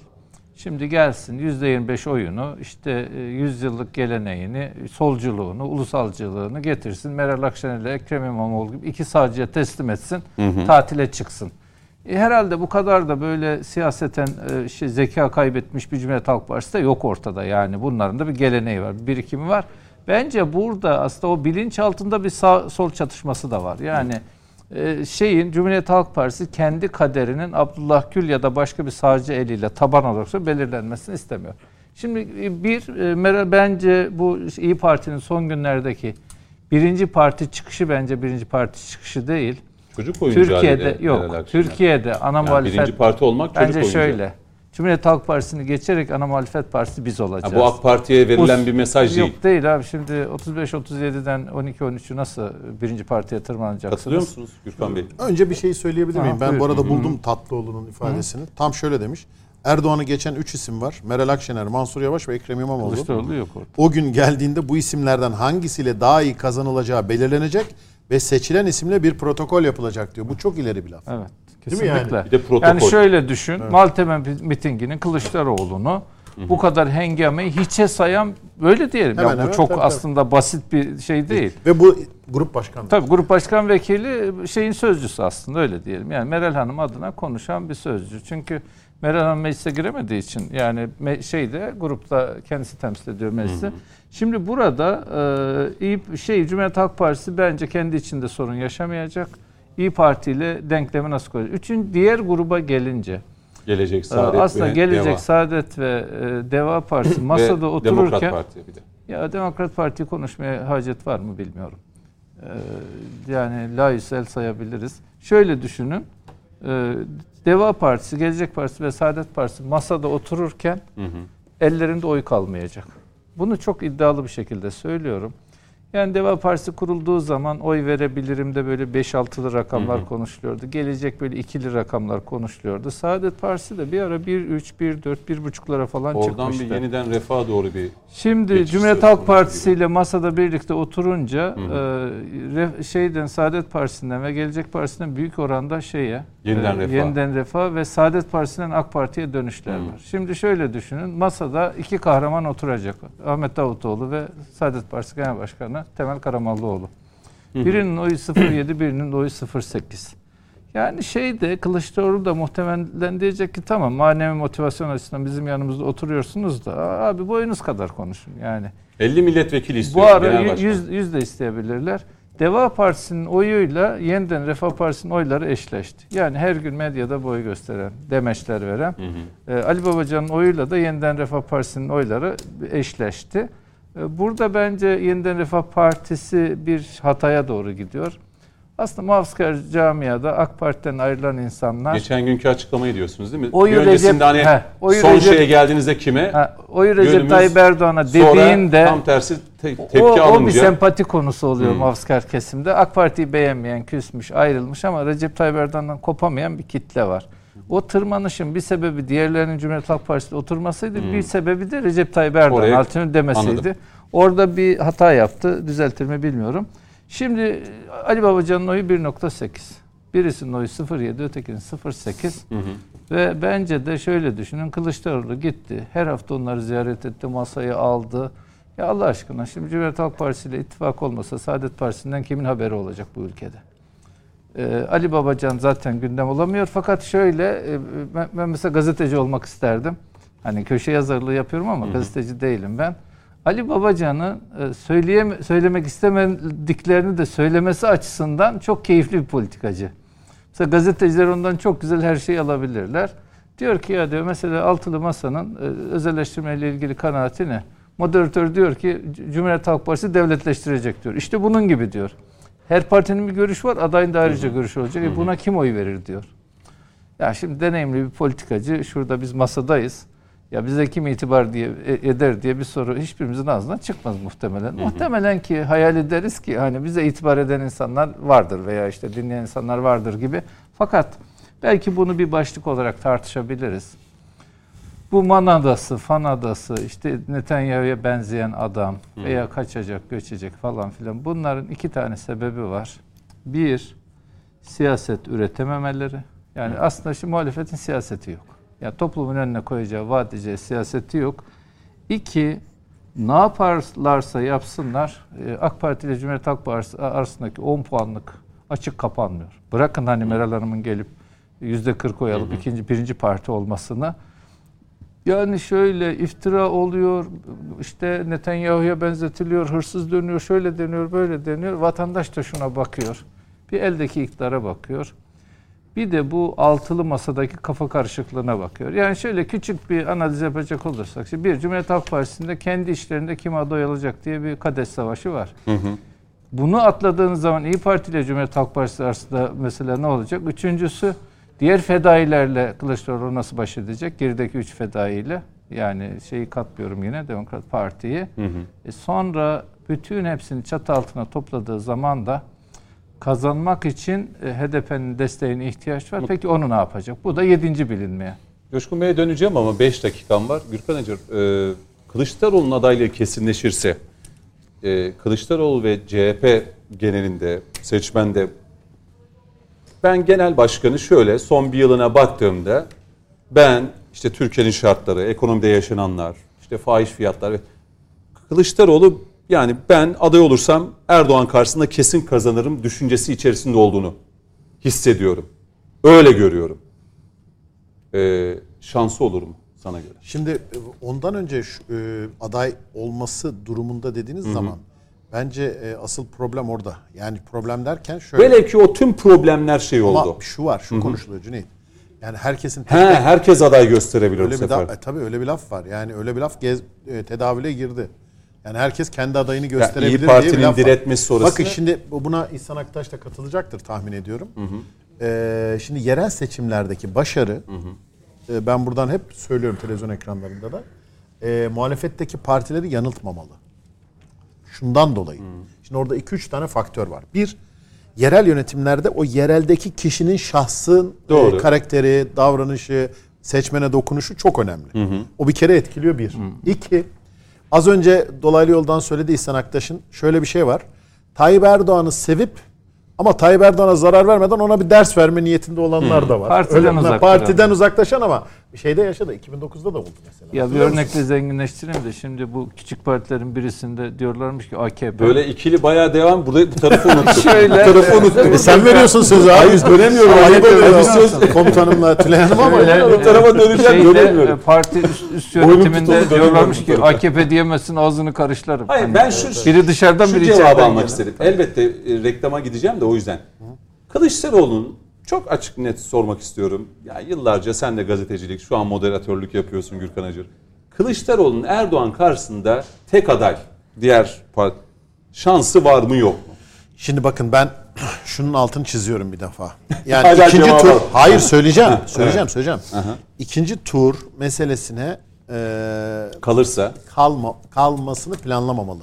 İttifakı. bu ilk turda bitmez diyorsun. İlk, tabii tabii. Bence bu İlk- doğru bir yaklaşım. İlk turda ilk tur. Dolayısıyla burada bir e, ne yapılıp edilip Konsensus tek sağlanmalı. konsensus sağlanmalı. Tek aday Ama üzerinden bunun da zor olacağını kazan- düşünüyorsun şu an. Zor, kolay bir şey değil ama şunu da söyleyelim. Erdoğan e, en zor seçimine gidiyor. En Bunu zor söyleyeyim. seçimine En zor seçim. Öyle mi? En zor seçimine mi gidiyor Coşkun Başbuğ? Şöyle 2-3 dakika vereceğim. en kritik seçim devam. bana göre daha Siz hep doğru. onu söylüyorsunuz. Evet. 2023. 2023 yani en kritik. seçim. Çünkü e, hani oluşan siyasi Türkiye için tabloda- en kritik diyordunuz ama Erdoğan için en zor seçim dedi. Acar. E zaten biz hani seçim sürecinde e, bir denklem değişikliğinin çok farklı yerlere getireceğini hep dillendiriyoruz. O açıdan baktığınızda doğru en kritik seçim. Ancak şimdi bu seçim sürecinde özellikle adaylık konusunda her ne kadar Kılıçdaroğlu öne çıksa da bir takım isimler konuşulsa da ben daha e, o sürecin erken olduğu kanaatindeyim muhalefet kanadı açısından. Çünkü daha masanın kendi içinde anlaşamadığı birçok husus var e, tek aday mı çıkaralım, herkes kendi adayı mı belirlesin gibi bir takım denklemler var. Hatta e, belki de önümüzdeki süreçte hiç konuşulmamış yeni duyduğumuz isimlerin ortak tek aday olarak çıkacağı bir siyasi süreç var Türkiye'yi bekleyen. Bana göre e, bu söylediğim daha kuvvetli ihtimal. Dolayısıyla e, çok erken başladı bu tartışmalar. E, yıpratır mı? Yıpratır. Ama önümüzdeki dönemde e, bir takım hani arka masalarda, arka odalarda görüşmelerin yapılıp çok farklı isimle e, çıkılmasının ben daha kuvvetli bir ihtimal olduğu kanaatindeyim. Hatta onu ben hatırlarsın evvelki programlarda şu başlığa getirmiştim. Hani biz veya muhalefet masası her ne kadar bunları tartışıyor olsa da esasen bir Amerika'ya sormak lazım. Kimi aday düşünüyorsunuz veya nasıl bir yol izleyeceksiniz diye. E, çünkü hani Biden e, o söz hala hafızalarda. Muhalefeti destekleyeceğiz her türlü desteği vereceğiz. Amerika bu isteğinden desteğinden vaz mı geçti? Bana göre geçmedi. Dolayısıyla Amerika'nın hani askeri siyasi bir takım yapılanmalarından söz ediyoruz Türkiye'ye yönelik. Siyasi yöndeki Amerika'nın planı programı bana göre daha halen yürürlükte ve gündemde. Dolayısıyla HDP nerede denkleme girer? Nerede masada aktif oturmaya başlar? Ortaya nasıl bir aday çıkar? Bu nasıl bir kampanyayla Türk kamuoyuna tanıtılır? Ve ne tür bir yol izlenir bunları göreceğiz. Ama ben şu tartışmaların daha çok erken ve e, pek de ileride karşımıza çıkmayacak gelişmeler olduğunu düşünüyorum. Benim mesela başından beri hep dillendirdiğim iki tane kuvvetli aday var. Birisi Mansur Yavaş. Her ne kadar arka planda sessiz dursa da Ve Abdullah Gül. El altını ve Abdullah Gül. E, çünkü burada esas amaç şu. E, eğer karşıdan siz oy devşirecekseniz ki Ali Babacan e, Meral işte- Akşener olduğu sürece Abdullah Gül hala konuşulur mu? Masada Kılıçdaroğlu'na itiraz eden bir isim. İşte Ki onun için diyorum kapalı. yani birçok daha e, bu pilav çok su kaldırır diye. E, ileride Abdullah Gül isminin bir anda gündeme düşmesi sizi şaşırtmasın. Veya Mansur Yavaş'ın bir anda ön plana çıkarılması sizi şaşırtmasın. Çünkü e, özellikle Mansur Yavaş arka planda sessiz, derinden ve süreci de kollayan bir vaziyette geliyor. Hatta e, geçtiğimiz program mıydı? Seninle gene konuşmuştuk. E, Milliyetçi Hareket Partisi tabanına yönelik bir takım faaliyetleri de var Mansur Yavaş'ın Ankara'da yürüttüğü. Evet. E, bunlar tesadüf gelişmeler değil.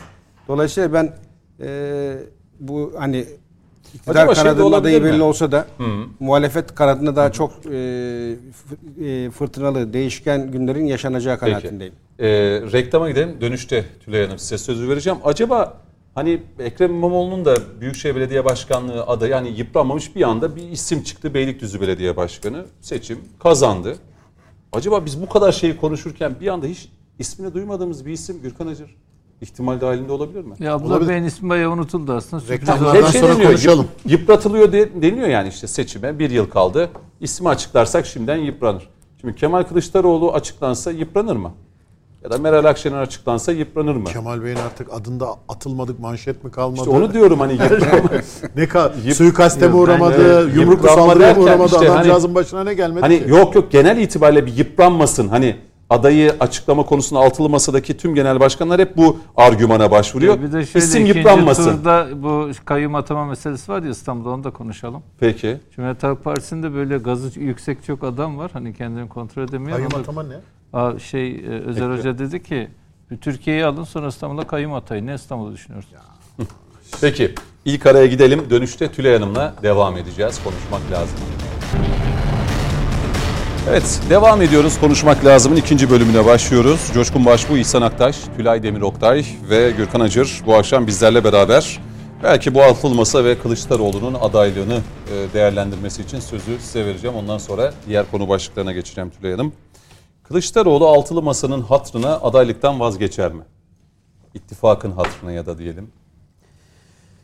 Yani e, masaya öncelikle onları altılıyı kim oturttu? Biraz da belki ona sormak lazım diye düşünüyorum. E, masaya ot- o masadan ne çıkması isteniyor? Masaya kimi e, kimler oturttu o e, altılıyı ve o altılı masa e, gerçekten ne istiyor? E, aslında yapılması istenen bana göre e, son işte Amerikan Büyükelçisi'nin de e, yapmaya çalıştığı da oydu. E, Meral Akşener'le e, HDP'nin arasını düzeltmek içindi diye düşünüyorum. Yani E, altılı- ABD elçisinin hem HDP hem de İyi Parti'yi yani ziyaret aslında etmesi. yani her kilit nokta aslında hep HDP'de. Yani normalde o altılı masadan herkes HDP ile bir şekilde anlaşıyor. Sanki biraz Meral Akşener uzak duruyor gibi. Ee, kendi aralarında zaten anlaşamıyorlar da. Yani kim aslında onları oraya oturttuysa bence e, o e, lideri de ya da adayı da o belirleyecektir diye düşünüyorum.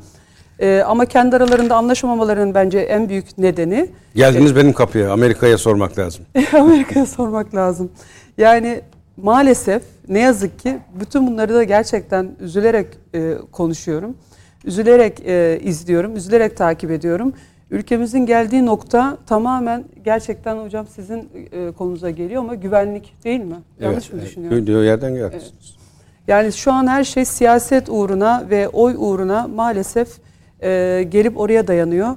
E, 6 artı 1, 6 artı 1, 6 artı 1 her şey e, işte HDP'nin HDP belirleyecek diye şey kilitlemiş ve benim kitabımda da hani kanıt somut kanıt vesaire dinliyor ama kitabın içerisinde de e, size örnekler göstereyim. HDP'nin nasıl oy aldığını da bak burada hemen böyle açar açmaz diyor ki işte sandıklarda bize oy çıkmazsa bu köye vay haline. Şu kadar oy çıkmazsa vay halinize. Bir kişi bile HDP oy vermediyse o kişinin başına ne işler gelmiş? Yani bu kadar e, o Doğu bölgesindeki yaptığım araştırmalar sonucunda şuna e, ka- artık şahitlik ettim ki HDP bu oyları da gerçekten kendi alnının teriyle ya da çalışarak ya da e, yaptığı işlerden dolayı e, Siyaset siyasetten almamış. Gerçekten o nasıl ki terör örgütleri terör örgütü PKK korku, baskı ve şantajla yaptıysa e, maalesef HDP'ler HDP'de parti olarak e, orada öyle bir korku ve baskıyı kurmuş. E, Kürt e, babalarla annelerle konuştum. Diyarbakır anneleri babalarıyla konuştum. O halkla konuştum.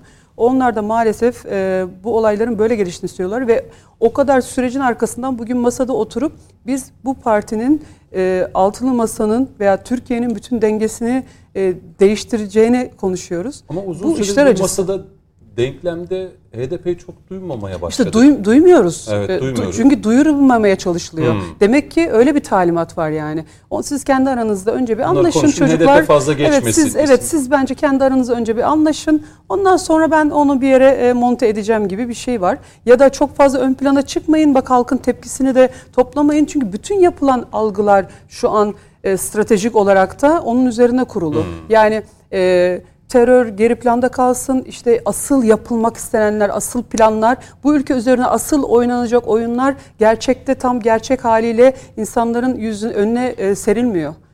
Bunları e, belki ben de bu kadar dışarıda olsaydım bilemeyecektim ama bu kitabı yaparken iki yıl oralarda vakit geçirdiğim için e, ondan dolayı e, maalesef üzülerek şu anda da görüyorum Tülay ki Hanım kitabınızı görebilir miyiz? Bir gösterelim.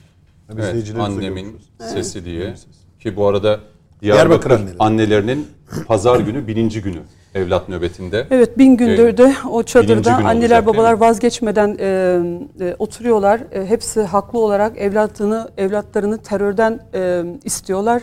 Bizim teröre verecek bir tane bile çocuğumuz yok diyorlar ama maalesef yaşananlar o ki o çocuklar da zorla götürülmüş. Zamanında işte bu kayyumlar niye atanmış? İnsanlar kayyum atandığında da normalde e, tepki gösterdiler. Bu ülkede demokrasi yok, kayyum atanıyor. Halbuki içine gidip bakıyorsun, e, senin çocuğunu e, dağa göndermiş, e, sana da burada iş vermek için ya da e, senin üzerine korku ve baskı kurmak için. Yani e, çok acı, Yani çok altılı masada Meral Hanım da Kemal Bey de e, HDP'nin oyları olmadan kazanamayacaklarını biliyorlar. Ya da biz bu masada oturan tüm herkes herhalde bunun farkında.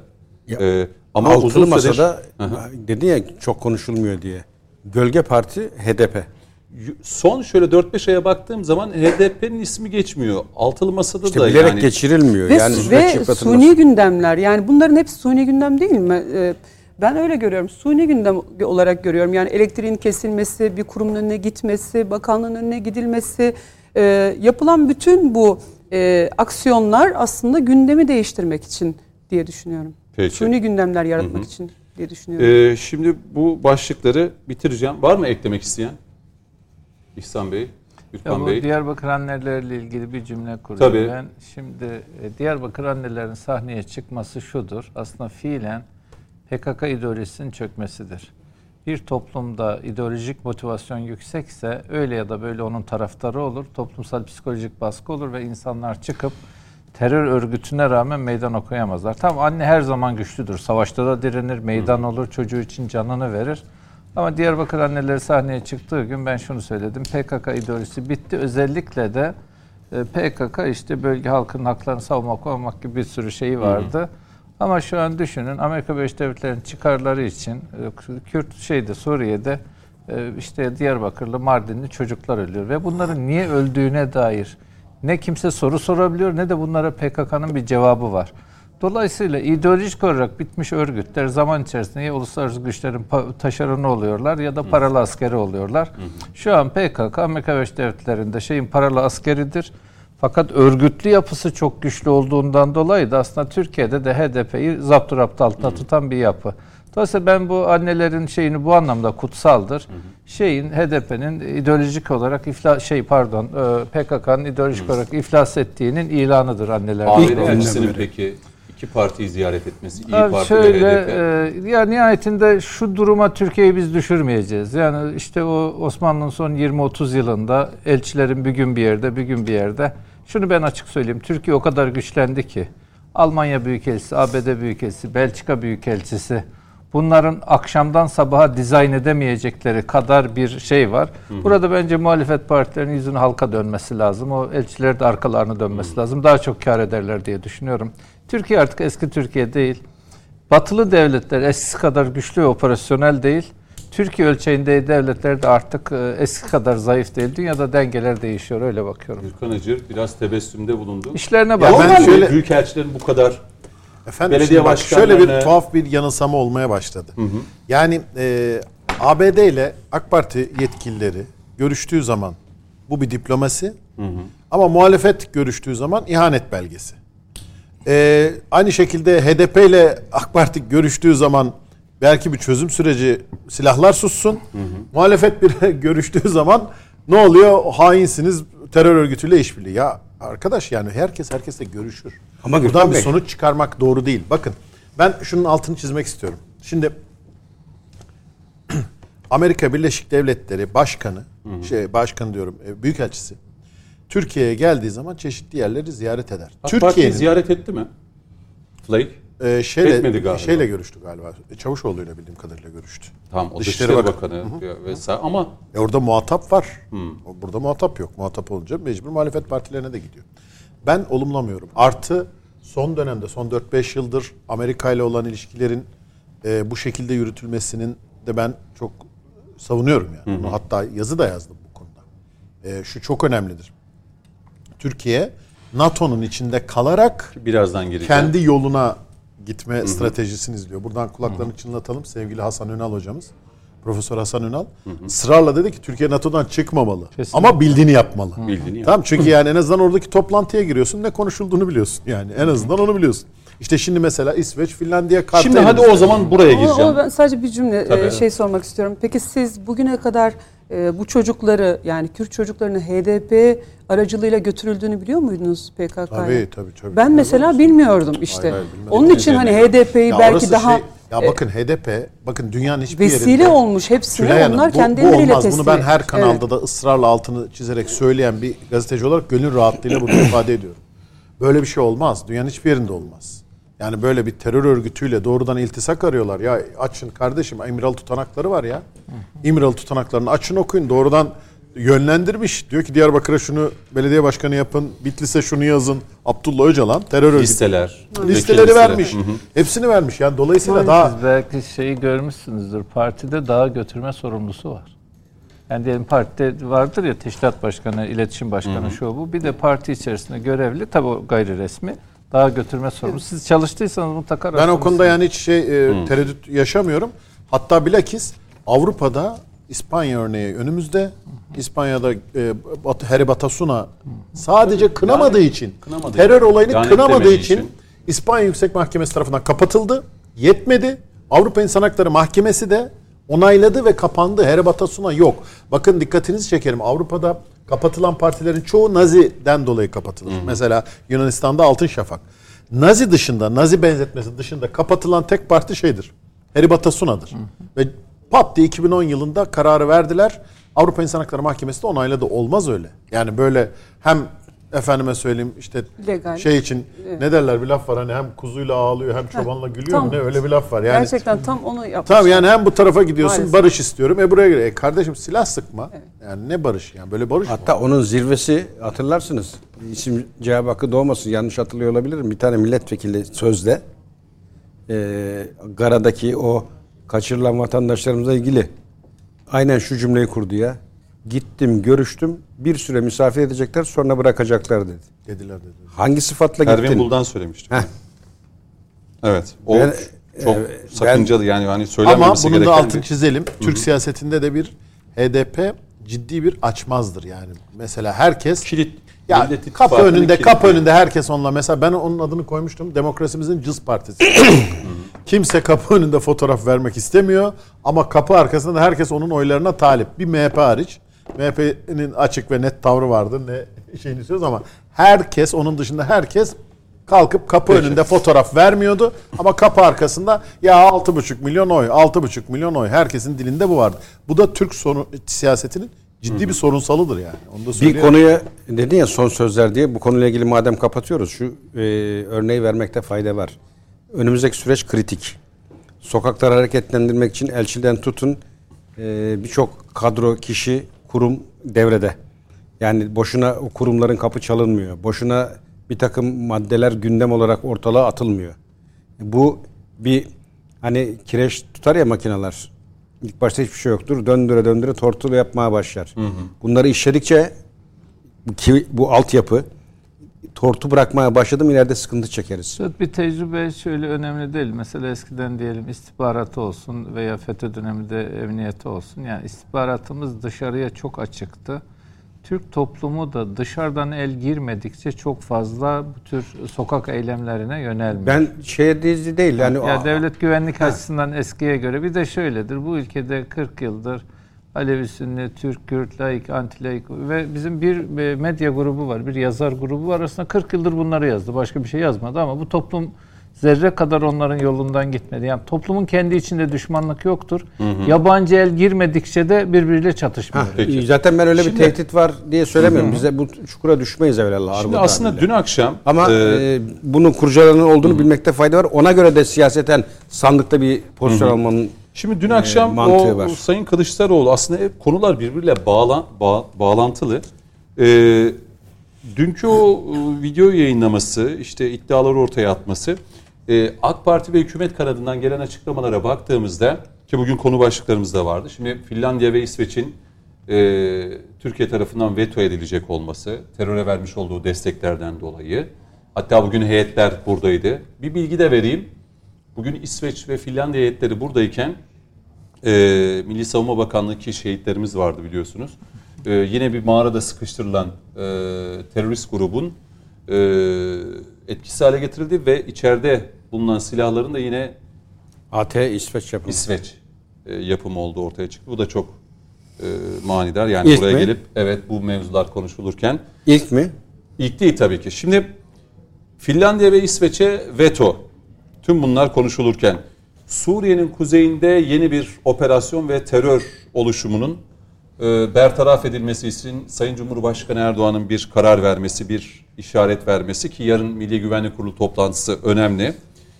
Ee, bir Yunanistan ve Miçotakis Amerika ile birlikte Türkiye meydan okuması, Türkiye şikayet etmesi, F-16'ları bunlara vermeyin, ee, Kıbrıs'ta iki devletli bir çözüm olmamalı, sadece Rum tarafının olacağı, tanınacağı bir ülke.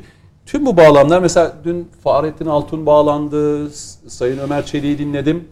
Tüm bunlar dedi Türkiye açısından kritik dönemeciyken Kılıçdaroğlu'nun çıkıp bu asılsız iddialar, bu videoyu, bunları söylemesi, yani çok daha e, mühim meseleler varken Kılıçdaroğlu gündemi e, değiştirmeye çalışıyor ya da işte Batı'nın Amerika'nın sesi oldu, e, bunu perdelemeye çalışıyor diye e, değerlendirmeler, yorumlar geldi. Mesela mevcut durumda şu an e, ben şunu beklerdim. İhsan Aktaş ilk sözü size vereceğim. Kılıçdaroğlu çıkabilirdi. Evet İsveç ve Finlandiya'nın ki bu konularda şu anda altılı masadan bir ses de çıkmıyor. Meral Hanım bir... İsveç ve Finlandiya veto konusunda hükümeti ve devleti destekliyoruz. Suriye yapılacak olan bu harekatta e, ordumuzun, devletimizin, hükümetin yanındayız. İşte Miçotakis Amerika'da gitti, kongrede Türkiye'ye meydan okudu.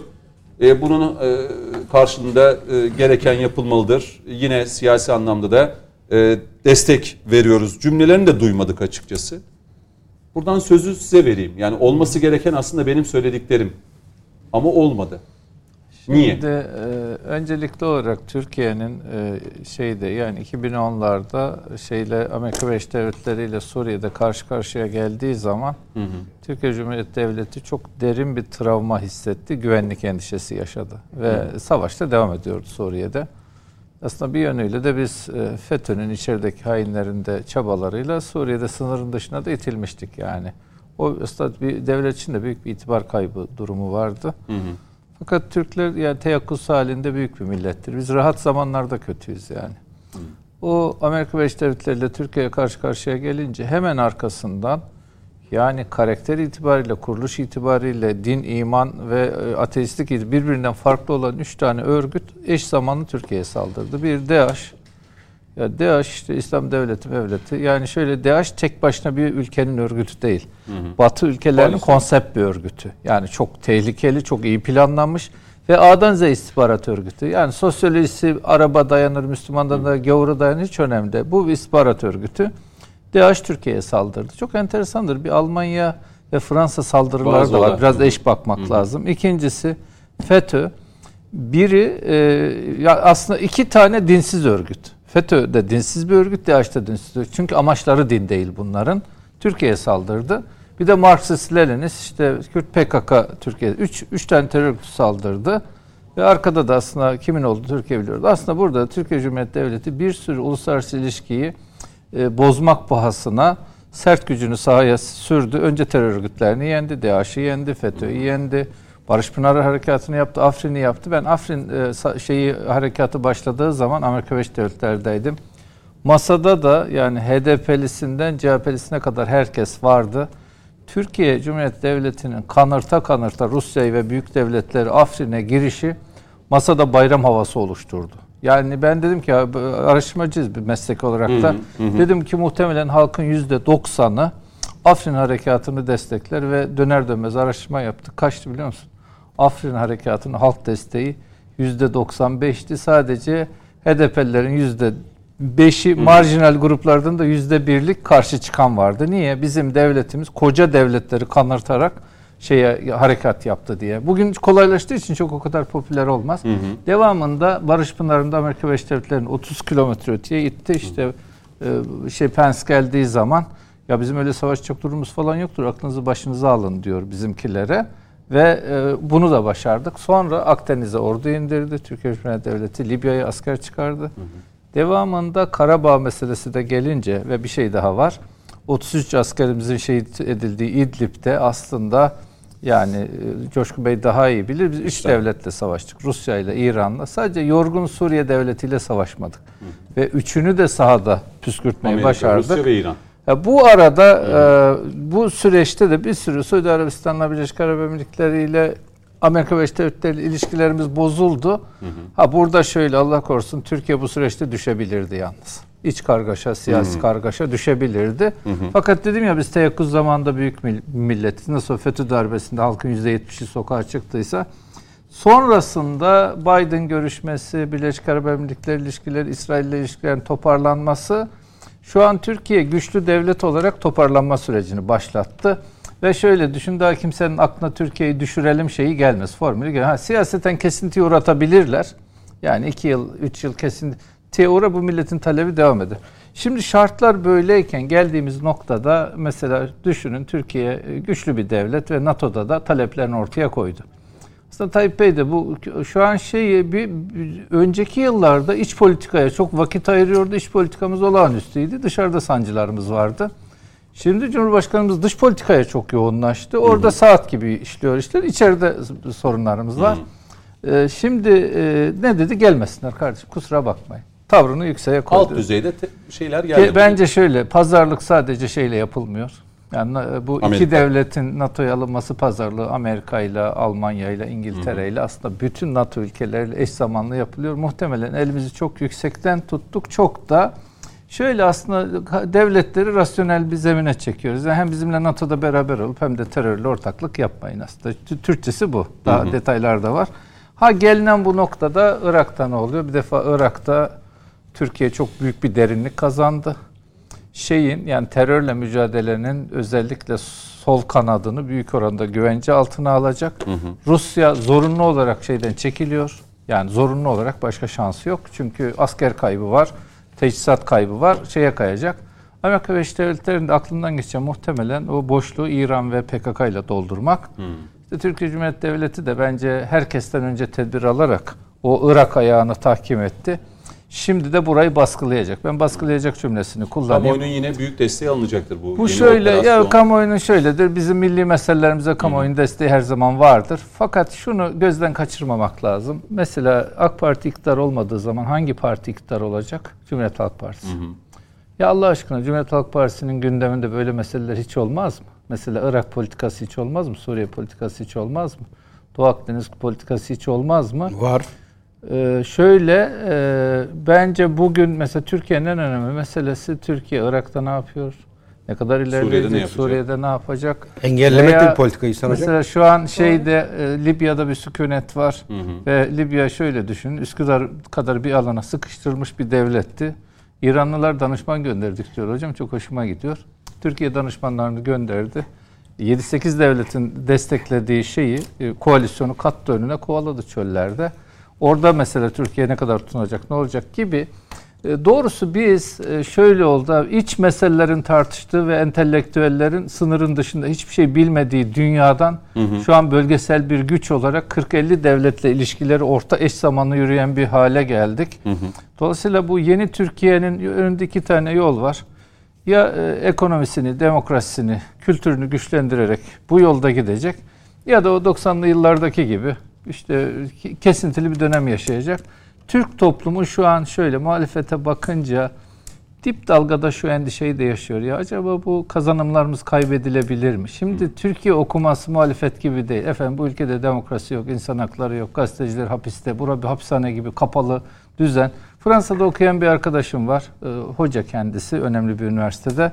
Bireysel haklar açısından diyor gelin Türkiye ile Fransa'yı karşılaştırın. Türkiye'de hürriyetin daha ileride olduğunu akademik olarak müzakere edelim diyor. Hı hı. Türkler geliyorlar Şanzalize'de kahve içip o e, güneşe bakar gibi bakıp e, ağızları açık kalıp geri dönüyorlar. Batı analizi yapmıyorlar. Artık sömürge devri, müstemleke devri, onların buyurgan olduğu devri bitti. En azından biz şu an bas, bas, batıyla hı hı.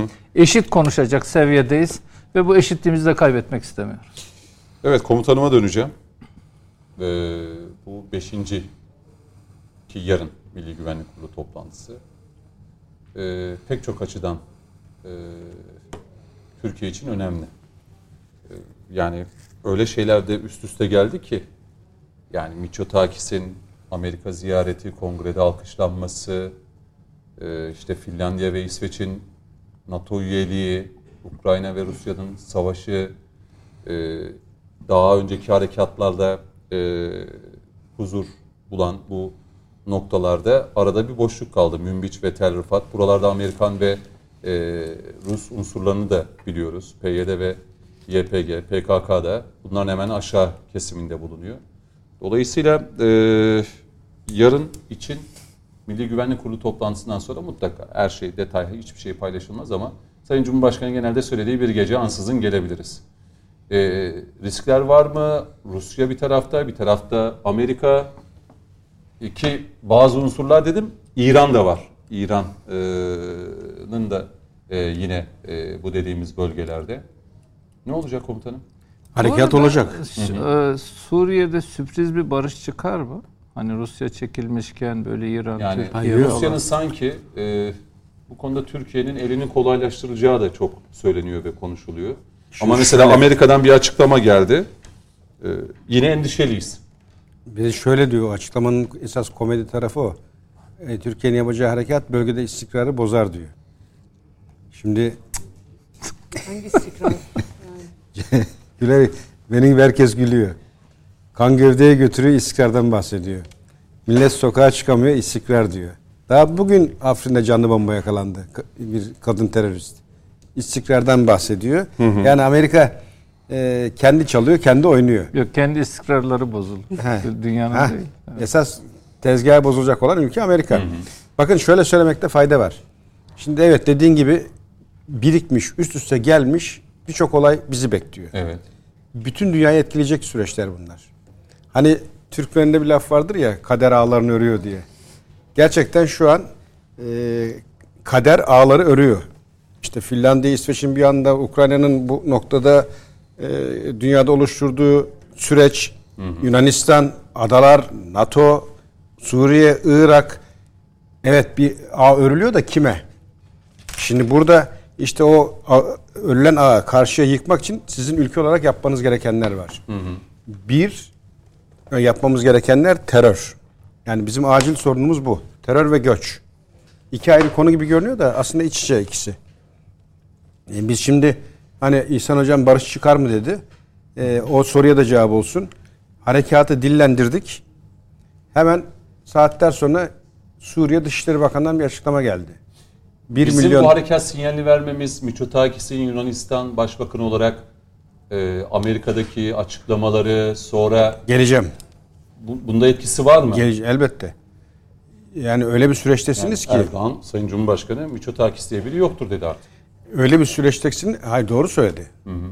Yani bugün Anadolu'daki e, balıkçı teknelerimiz vardır. Amatör balıkçılar. En küçük rütbede Miço'dur. Yeni işe girmiş. İşte orada getir götür ayak işlerine bakan. Şimdi bu açıdan baktığınızda Miçotakis e, o tekneye Miço olamaz. Ama ülke teslim ettiler. Ve ülkeyi de... Ben de nereye bağlayacak diye bekliyorum. ben de...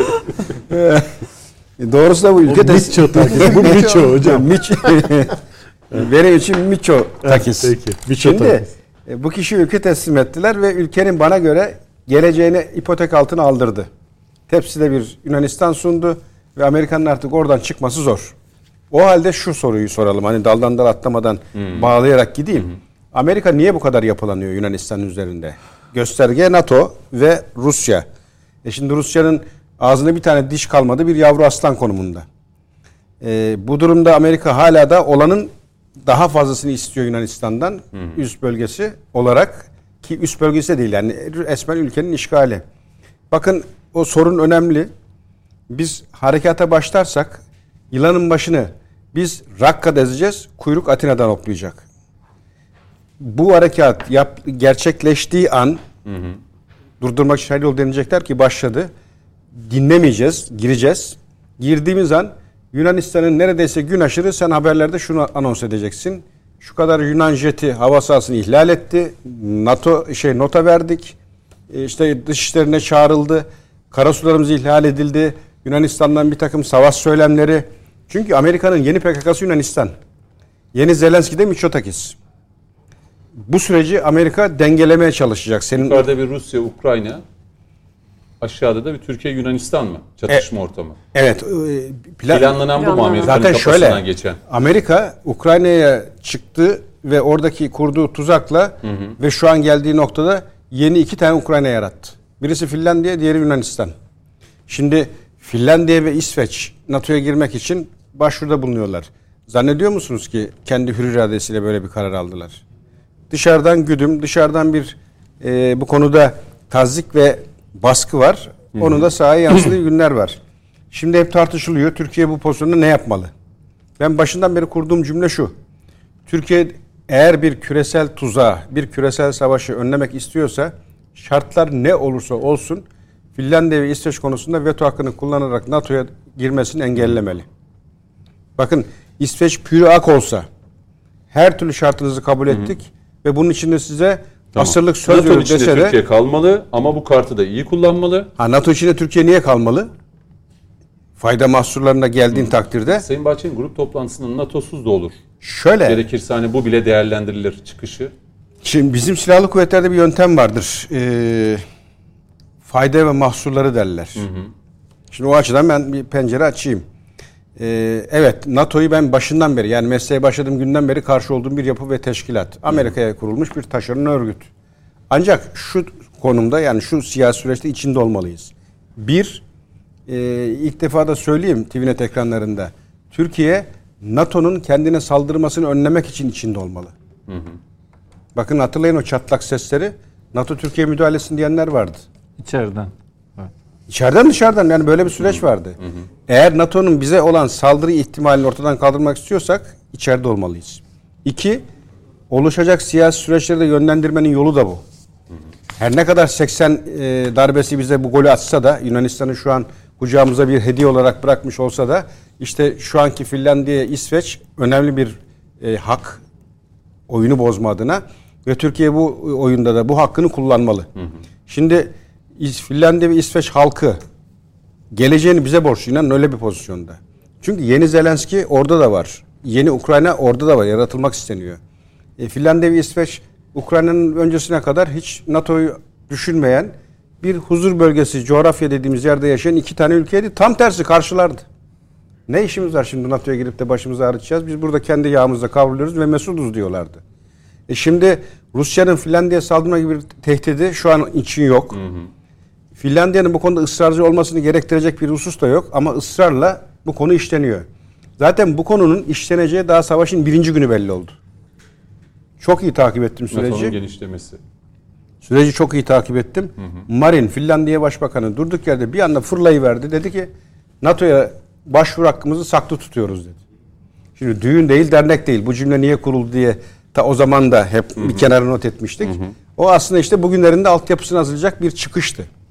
Dolayısıyla burada Amerika'nın bir tezgahı var. Amerika'nın bir e, tuzağı var ve Finlandiya cephesinden açarak ilk etapta Rusya'yı aşındırmanın ama uzun vadede de o Kuzey Kutbu Denizi'ndeki paylaşımın içinde olmak niyeti bu. Hı hı. E biz şimdi evet diyerek Amerika'nın değirmenine su mu taşıyalım yoksa bir takım vaatlere kanıp e, e, Amerika'ya su mu taşıyalım veya bunları görüp oyunu hani sırf Rusya'ya veya aşağıdan bir takım kazanımlar elde edilmeyi değil. Biz bu veto oyunu bozmak için evet, oyunu veto bozmak edelim. için Ki veto, Sayın Şimdi- Cumhurbaşkanı bu konuda Ha yani bu tavrımız net. Türk-Amerikan ilişkilerinde yeni bir krizi ortaya koyar mı? Ki aşılamayan pek çok kriz var şu anda. Bakın Amerika'nın te- söylemine NATO'nun, Amerika'nın, Finlandiya'nın, İsveç'in, Avrupa'nın diyorlar ki hepsi ağız birliği. Türkiye'nin endişelerini anlıyoruz. Ona hak veriyoruz. Bu konuda her türlü işbirliğine hazırız. Stoltenberg daha dün dedi. Türkiye haklı endişeleri var ama dedi bu endişeleri gidereceğiz. Ne dedi Amerika? Hak veriyoruz. Stoltenberg şunu da söyledi. Pek çok NATO ülkesinden çok daha önemli Türkiye. Heh. Yani Zaten- hani onların ederi Türkiye kadar değil dedi. Bozuk saat iki defa gösteriyor ya işte bir doğru bu. Heh. Şimdi e, bunu söyleyen bir başka ülkede Amerika. Diyor ki Türkiye'nin kaygılarını anlıyoruz. Ben de daha bu harekat gününe dillendiği gün şunu söyledim. Bu harekat Türkiye'nin yapacağı harekat bu bahsettiğim kanadın samimiyet testi olacak dedim. Orada göreceğiz ne dediklerini. Fakat bizimkiler de öyle hain bir zamanda hareket planlamışlar ki. Her şey birbirine denk geldi. Ee, Zaten onun için kader ağlarını örüyor dedim. Şöyle, şimdi bakın bu cümleleri kuran devletler Suriye harekat deyince istikrarı bozar, endişeliyiz. Ya işte sen değil miydin işte hani Türkiye'nin tehditlerini anlıyoruz, e, tehdit algılarını ve hak veriyoruz diyenler. Ha demek ki sen veto hakkı e, konusunda bana bir tiyatronun peşindesin. Yani İsveç ve Finlandiya ben hep söylüyorum. Dolduralım üst üste. Bütün isteklerimizi koyalım önlerine imzalasınlar. Ne hükmü var benim için? Ki e, Dışişleri Bakanı da e, bugün bir açıklama yaptı e, Filistin ve İsrail ziyareti sonrası. E, bunun yazılı bir mutabakata dönüp imzalanması yani taahhüt vermeleri gerektiğini e, bizatihi söyledi. Dışişleri Bakanımız diplomatik lisanla bunu söylüyor. Evet. Ben dışarıdan halk nezdinde şunu söylüyorum. İmzalasa da benim için hükmü yok. Bakın Lozan, Paris, hani adalar Yunanistan dedik ya. Londra, Zürih hangi birini takıyorlar? Avrupa Birliği geçelim orayı. Avrupa Birliği ya diyor ki kendi iç tüzüğünde sınır sorunu olan ülke birliğe dahil edilmez diyor. Güney Kıbrıs Rum kesimini bağıra bağıra aldılar mı? Orada Londra Zürih Anlaşması'nda 3 tane garantör Yunanistan, İngiltere, Türkiye. Diyor ki anlaşma adada hiçbir güç, hiçbir yapı bu üç ülkenin onay olmadan bir başka ülkeyle askeri, siyasi, ekonomik işbirliğine gidemez diyor. E gitti. Doğru gitti. Hani maddeler, hani kanun, hani anlaşma? Dolayısıyla hani onu da geç. Ve 35. Ya ticari anlaşma bu. Bırak artık uluslararası iki devlet. Tek tek yazılıyor, çiziliyor. Görev dağılımı yapıyoruz. Paralar veriliyor. Gürkan Bey diyor işte şunu yapacak. İhsan Bey şu bölümde olacak. Tülay Bey burada olacak. Ben de burayı üstlendim. Atılıyor imzalar. Deftere imzalar atıldıktan sonra iş başlıyor, faaliyet başlıyor. Amerika diyor ki yaktım kardeşim diyor. Yok bitti diyor benim için bu anlaşma. Yani şunu söylemek Şöyle lazım. bitirmenizi isteyeyim Gürkan Hacı'ya döneceğim ve Tülay Hanım'dan da. E, Biz bu harekatı başladığımız takdirde e, sesin nasıl geleceğine mi bakacağız? Başladı zaten. Tamam başladı da. Şimdi bakın şöyle- Mesela daha önceki en son e, harekatla birlikte Mike Pence'le şey gelmişti buraya. Kim gelmişti? İhsan Aktaş. Ben hatırlamıyorum. Pe- Pence hatırlamıyorum. Başkan Yardımcısı Dışişleri Evet, Bakanı gelmişti. Dışişleri Bakanı gelmişti. Evet ikisi gelmişti. Mike Pence yanında bir kişi daha geldi. İsmi Pompeo'ydu galiba. Pompeo gelmedi. Yok kimdi? Geldi. Mike Pence'le e, Güvenlikten sorumlu. Geldi. bakan Evet, geldi evet. ve ikisi de hindi gibi düşünerek gittiler. Bakın burada bizim yapmamız gereken şu devlet olarak. Hiçbir yere biat etmeden, hiçbir yerden talimat almadan Suriye harekatı acilen başlamalı. Bizim bu harekatımıza Rusya tarafı. Şimdi bakın Bir Rusya arayayım cümle Gürkan. Bey, araya gideceğim yine. şimdi e, şu konuya dikkat etmeliyiz. Bakın şeyde Suriye'de çok ilginç. İran Rusya işbirliği var. Sancı. İran Amerika işbirliği var. Rusya Amerika işbirliği var ve üçünün de bir olduğu ayrı bir bölge ve coğrafya ve süreç var. Şimdi tek tek inceleyelim. Hani İran Amerika ile belli değil. hani İran Amerika ile ezeli düşmandı? Hani İsrail ile kanlı bıçaklılardı? Hani Rusya ve Amerika iki ezeli düşmandı? Konu Türk olunca mı birleşiyorlar? Şimdi bu işbirliği halen devam ediyor. Ama Fırat'ın batısı yani Rusya kanadının olduğu yerde Tel Rifat. Rusya e, Tel Rifat ve Münbiç. Bizim orada hesabımız var. Neyle? Rusya ile. Kimle? Amerika ile. Diğer kamış tarafı. Ne hesabı? Hani dedin ya az önce imzalar diye. Bir başka örnek işte iki tane verdim. Bu üçüncüsü olsun. E, imzaladılar ya. Dedi ki 120 saatte bir tane adam kalmayacak burada. Rahat ol dedi Amerika. Rusya dedi ki 150 saat tertemiz burası dedi. Bana güven dedi. Üstünden 150 haftalar geçti. Ortada bir şey yok. Tam tersi artan terörist varlık var. Dolayısıyla Rusya şu an zaten hani fırsatçılık mı dersen o ayrı bir başlık olur. Senden şu an ittifak etmek durumunda. Hani ben Rusya'ya şunu söyleyebilirim. Kardeşim bölgenin bekası senin de güvenin için Finlandiya ve İsveç konusunda tavrımı netleştiriyorum. Asla NATO'ya girmesine müsaade etmeyeceğim. Sen de Suriye'de yürüyeceğim harekatta karşıma çıkmayacaksın. Hocam galiba diplomasi bu kadar açık oynanmaz. Biz burada ekranda açık oynayalım ama o ülke bazında, devlet bazında onlar farklı işlesinler. Önemli değil. Zaten bunu sormanıza bile gerek yok. Çünkü aşağıda Rusya olan askerini çektiği yönünde bilgiler var sahadan gelen. Ve emin olun daha akşam üzeri bir e, katıldığım programda onu sordular. Dedi Rusya var, Amerika var. Bunlar ne der? O onların sorunu dedim. Ya bunların ne der e, şeyi de Ama o çok, da eski bir soru. görmüyorum. Yani Eski bir soruydu ya. Çok şöyle eskiden çok kıymetliydi bunlar ne derdi? Giderek kıymet azalıyor. Hayır zaten o zaman da aslında tablo belliydi. Şimdi Bir, e, Sayın Gürkan Çavuşoğlu'nun sözü şu, Gürkan Hocam'ın hakkını yemeden sözü devredeyim. Bu konu gündeme geldiğinde Sayın Çavuşoğlu şunu söyledi. Bir gazeteci sordu bunu, yabancı gazeteci ve ısmarlama bir soruydu. Girelim diyorsunuz ama dedi, ilk harekatın başlayacağı gün durdurmanın yolunu arıyorlar. Orada Amerika var, orada Rusya var. Bunlara ne diyeceksiniz de, ne yapacaksınız? Sayın Çavuşoğlu dedi ki, harekatlarda ne yapıldıysa şunu söyledi. Biz dedi burada terör ve teröristle mücadele ediyoruz. Evet. Bu mücadeleyi yürütürken yanında kimin olduğuna bakmayız dedi. Peki. Şimdi e, İhsan Aktaş şunu söylemişti Gürkan Acır. E, yani dış politikada hükümet, Sayın Cumhurbaşkanı, e, işte Dışişleri Bakanı tıkır tıkır her şey işliyor. Orada işler yolunda. Ama içeride işte e, yaşananlarda ki bugünkü yayında da konuştuk. E, dış politikada ya da alınan kararlar genelde muhalefet tarafından şöyle de değerlendiriliyor. İşte bunlar yine e, meydanlarda seçime yatırım, e, seçime dönük işte mesajlar, seçmeni konsolide etmek. İşte belki seçim öncesinde Türkiye Suriye'ye tamamıyla girecek. Belki bir savaş, hani terörle mücadele edeyim derken. Bunlara e, katılıyor musunuz bu düşünceye yoksa Türkiye için hani ta 15 Temmuz o hain darbe girişiminden sonra hep bir beka sorunu dile getiriliyor. Hem Sayın Cumhurbaşkanı hem Sayın Bahçeli hep bunu dile getiriyor.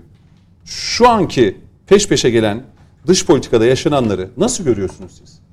Şimdi şöyle aslında Yani tıkır bu- tıkır işleyen bir dış politika var mı size göre? Yo dünyada öyle bir şey yok canım. Dünyada hiçbir ülkede tıkır tıkır işlemez dış politika ama şunun altını çizelim. Şimdi Türkiye bir e, makas değişikliğine gitti. E, bu sadece AK Parti olarak ben görmem. Hani AK Parti'nin aldığı bir tercih karar diye e, değerlendirmem. Devletin de aldığı bir karardır. Yani bunun içinde yüksek bürokrasi var, askeri var. Klasik bir söylem Türk devlet hakkının. Şimdi devlet deyince herkesin aklına ya ne var derin devlet var iktidar yönetiyor işte. Değil kardeşim. De orada büyük bürokrasi diye bir şey var. Ee, yüksek bürokrasi var. Güvenlik bürokrasisi var. MIT'i var. işte şeyi var efendim. Devletin söyleyeyim, kurumları, genel, devletin hafızası. Genel kurmayı var vesaire. Ortak alınan bir karardan söz ediyoruz. Bu ne biliyor musunuz? S-400'lerle başlayan Türkiye'nin NATO paktına giderek mesafe koyan ve Avrasya bloğuyla birlikte bir yol har- haritası çizen bir tutumu var. İlginç bir şey denendi. Şu an hala o tutum içerisinde olduğunu. E ben onu görüyorum. Tabii, onu görüyorum halen daha. Yani direkt Avrasyacı mıyız değiliz ama e, ben Rus Mesela veto etme şeyi. Şimdi- belki biz böyle bu kararı aldık ama mesela Moskova'da bu herhalde olumlu karşılanıyor. olumlu ne demek ya? Davul çalarlar ya. Davul çalarlar bunlar. Ne demek? Öyle mi Olum- İhsan Aktaş? Davul mu çalınıyordu olumlu ne demek? Birazdan döneceğim. size. Ya Ol- çok peşin konuşmak istemiyorum bunu. Hayır hayır veto konusunda. verirsek Ha, var Veto işte, verirsek tabii, davul çalar yani. Öyle Ya çalmaz Türkiye mı? işte 40 dengeyi birden hesap zaten ederek şu an Evet, veto evet, edeceğim evet. diyor eğer bu şekilde olur. Şöyle, Şimdi- bazen Ya ede- siyasiler askerler gibi davranmıyorlar. Yani siyasi E, davran. e, eder etmez ama ettiği takdirde Moskova'da davul çalınır. Ne olacak yani? Da- bundan daha güzeli var mı yani Rus- Ruslar için? E, rahmetli emekli büyükelçimiz siyasal bilgilerden e, mezun meşhur hocamız Gündüz Aktan e, derdi ki e, böyle pazarlıklara oturduğunuzda, oturduğumuzda Türkiye olarak size bir şey bir, bir şey aldığınız zaman karşı taraftan ya ben de bunun karşılığında bir şey vermek zorundayım hani diye düşünmeyin. Al onu cebine koy. Sonra başkana ne vereceksiniz diye sor. taktik bu olmalıdır. Hani illa ben "Aa, bana ayıp oldu bak bana çay ikram Al etti. Ben de ona ver gülüm olmasın." kahve vereyim demek yerine gitme. Al çayı iç. daha kahvede gelmiyor mu diye sor. Bu taktiği gitmesi, gerekir diye diye böyle bir diplomasi dersi vermişti. Şimdi bu hakikaten böyledir. Yani biz bir şey aldık diye bir şey vermemiz gerekmiyor. E, hep al hep aldı olabilir. Çünkü Türkiye şu anda oynadığı bu e, hani o tabiri kullanmak istemem ama kumar demeyelim de bir e, riskli tercihti Türkiye için dış politika anlamda. Bu tercih şu ana kadar oturdu. Bak şu ana kadar oturdu. Niye? Ya şeye bakın, trafiğe bakın. Gelen, gelen Ankara'ya. Ankara'ya gelen trafiğine bakın. Düne kadar burnundan kıl aldırmayan Avrupa Birliği'nin bütün üyeleri Hollanda'nın hanımefendi Hollanda'da yaşamış başbakanı değil mi? Peş peşe Ee, geldiler. Gelme ne demek? Polonya. Türkiye'ye iyimser mesajlar verdi. E, Çavuşoğlu artık şey oldu böyle. e, hani kimi nasıl ağırlayacağını şaşırdı. O geliyor bu gidiyor. Onu bırak burnundan kıl aldırmayan Lavrov kapıda Katarlı e, şeyi Dışişleri Bakanı'nı bekletiyor. Ondan sonra e, şeyi görünce Mevlüt Çavuşoğlu'nu görünce iki kollarını yana açarak sarılıyor kucaklaşıyor. Bu neden? Yani çok kara kaşına kara gözüne hayran oldukları için değil herhalde. Türkiye şu anda kimsenin vazgeçemeyeceği bir ülke Peki şunu pozisyonuna merak geldi. ediyorum. Şunu merak ediyorum. Bu söyledikleriniz önemli. Şimdi daha önce Libya, işte Karabağ, pek çok işte Doğu Akdeniz'deki gelişmeler sadece CHP'de dış politikadan sorumlu bazı isimlerin çıkışları oldu. Şimdi bir sessizlik görüyorum. Daha önceki çıkışların hata olduğu görüldü ve anlaşıldı ki şu an Meral Akşener'in grup toplantısına baktım evet. e, Ya bir destek var. Çok net cümleler kurmasa da. Ee, daha önce Karabağ, Libya ya da Doğu Akdeniz'deki çıkışların bir hata olduğu görüldü ve şu an mesela Suriye'ye yönelik bir yeni harekat, işte İsveç ve Finlandiya'ya yönelik veto, işte Yunanistan'ın tavrı hususunda e, Cüneyt şöyle ben toparlayayım. Hı hı, Anladım tabii. demek istediğini. Şimdi Cumhuriyet Halk Partisi'nin tavrını merak ediyorsun ve yok soruyorsun. genel muhalefetin Anlama- belki muhalefetin bakışı. tamam Bu tavrı. AK Parti ya da Ama bak MHP tarafında söyleyeyim. Bak şöyle söyleyeyim. olumlu. İki tane husus var. Bir, bilgilendirme Gara e, şeyi olayı hariç. Yani orada şehitlerimizin olduğu Gara'da olayı hariç bilgilendirme sağlıklı bir şekilde yapılmıyor. Şey, Muhalefet partilerinin. Bir tek o zaman e, Milli Savunma Bakanı ve İçişleri Bakanı geldiler Sayın Mecliste. Kılıçdaroğlu'na mecliste bilgi verdiler. Ondan sonra da Kılıçdaroğlu çıkıp tekrar Tayyip Bey'e yüklenince Tayyip İş Bey de çılgına döndü. Dedi ki ya sen ben, biz sana işte bakanlarımızı yolluyoruz sen dinlemiyorsun falan filan. Neyse yani bir e, iletişim e, kopukluğu var. İki önemli bir şey söyleyeceğim. Tabii. 2010-2011'e kadar gelen AK Parti'nin Orta Doğu dış politikadaki çuvallama dönemleri var. Yani sicili iyi değil o anlamda. Dolayısıyla muhalefet dönüp baktığı zaman ya işte şimdi söyleseniz e Davutoğlu yaptı onu. Ya Davutoğlu tek başına mı yaptı onu yani? Davutoğlu'nun maceraları diyorlar şimdi. AK Partililere de söyledin mi? Biz yapmadık şey yaptı. Davutoğlu Davuto- mu yaptı sorusu. Davutoğlu yaptı diyor tamam mı? Şimdi kardeşim Davutoğlu Mavutoğlu da sen o Suriye'de o bataklığa girdik. Oralarda şehitler verdik şu oldu bu oldu. E, bugün Türkiye'nin içerisindeki yaşadığı göçmen sorununun kökleri o zamanlardan atıldı vesaire. Dolayısıyla muhalefetin bir de böyle bir bakış açısı var.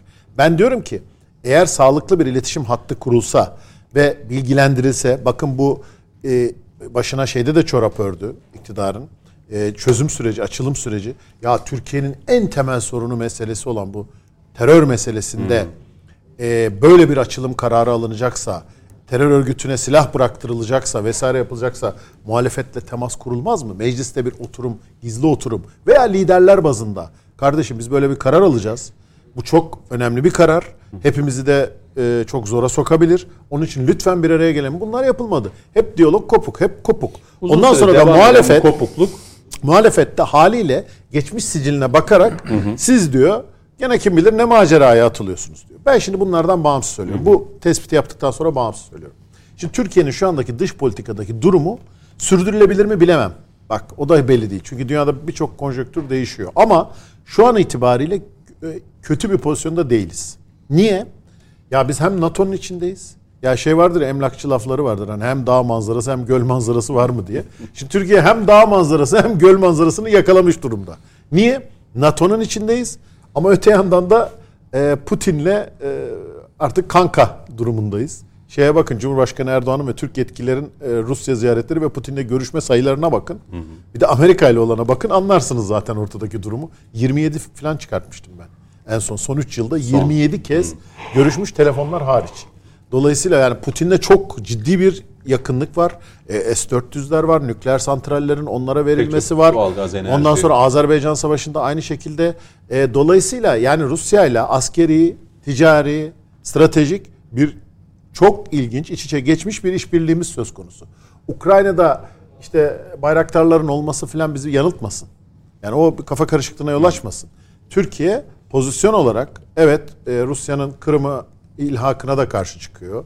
Ukrayna'ya da karşı çıkıyor ama ben e, bunların temel olarak Rusya ile olan işbirliğimizin dışında bir şey olduğunu düşünmüyorum. Yani daha doğrusu onu gölgeleyecek bir şey olduğunu düşünmüyorum. Çünkü Rusya Türkiye'den vazgeçebilecek durumda değil. Hatırlayalım.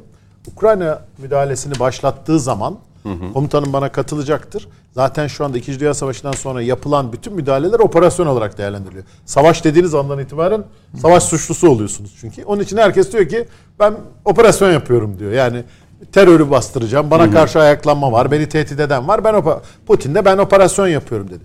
Bu operasyon başladığında Türkiye eğer Rusya'nın tam karşıtı ve NATO'nun sarsılmaz bir müttefiki olsaydı acaba değil mi yani e, Rusya'nın işi daha güç olmaz mıydı? Ve biz o zaman neden bütün silahlar bizde yığılma, yığılmadı? Değil mi? Yani e, bir uçak gemisine çevirirdi Amerika ve NATO Türkiye'yi değil mi? Yani o Karadeniz Reklama, reklama gideceğim. Ka- bir, bir dakika Tabii. müsaade et toparlayayım. Karadeniz kıyısını yağarlardı. Ama bugün görüyoruz ki yukarıdan Polonya'dan aşağı Dede Ağaç'a kadar Yunanistan'a kadar kalın bir duvar örülüyor. Amerikan Bakın A- Amerikan üstüne gelmeden duvar var duvar. Doğru. Ve o duvarlar nasıl biliyor musun? 7-8 metre. Acayip büyük çelik konstrüksiyonlar var. Diken tel örgüler, kameralar, ışıklandırma full kapatmışlar. Sebebi sadece şey değil. Rusya. e, Rusya değil. ya da göçmen. E, evet. Göçmen problemi e, önümüzdeki Avrupa'yı daha 30 çok yılın korkutuyor. 30 yıl bugün de değil bak 30 yıl küresel iklimle beraber dünyada kuzeye ve batıya bu arada onu söyleyelim yani dünyada bütün göç hareketleri kuzeye ve batıya doğru olur. Bir tek doğuya giden biz Türklerizdir hani Balkanlardan göç ettik. Suyun Onun akışı dışında mesela Çoruh evet. Nehri de hani tam tersine Evet, akar bizde evet. biz tam bir tek bizizdir bir- çünkü bizde vatan kavramı çok Doğru, güçlüdür ve doğru. onu tutunmak ister. Balkan e, göçmenlerimizi de buradan e, selamlayalım. Peki. E, dolayısıyla o duvarı örmelerinin sebebi Avrupa bir site devletine dönüyor. Diyor ki buraya artık girmeyen hani siteler var ya şimdi gördüğümüz Evet, evlerimizin olduğu siteler. O site devletine dönüyor ve diyor ki içeri ben kimseyi almayacağım arkadaş. NATO kendi kabuğuna çekilmek durumunda kaldı. Türkiye bunun dışında ama masada içinde. Dolayısıyla bu durum ne kadar sürdürülebilir bilmiyorum. Yani sürdürülebilir mi bilmiyorum. Ama şu an için pozisyonumuz Peki. e, ben kötü görmüyorum yani.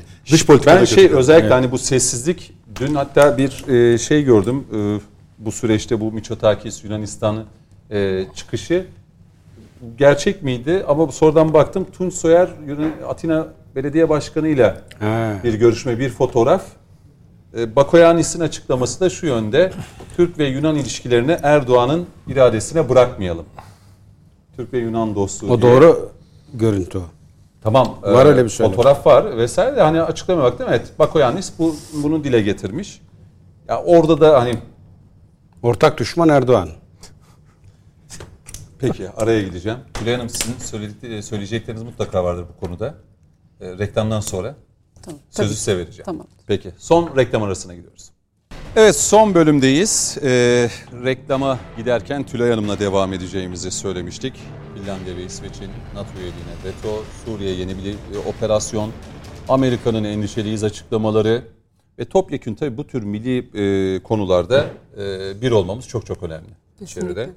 E, o birliği de sağlayabilecek miyiz? Daha önceki dış politikadaki başlıklardan şöyle bir geriye doğru bir yolculuk yaptığımızda e, çok da fazla göremedik o birliği, e, beraberliği. E, burada e, topyekün bir destek olacak mıdır iktidarıyla muhalefetiyle sizce? Ya şimdi e, PKK Türkiye'de e, ne yaptıysa bu hani gençleri götürme e, götür, nasıl götürdüklerini anlatmıştım ya. Kandırarak işte E, Türkiye'de neler yaptıysa aslında şimdi de aynısını Suriye'de yapıyor. Yapmış hatta. Yani mesela oradan e, terör örgütünden e, kaçıp gelen gençlerle konuştuğumda da şey diyorlar zaten.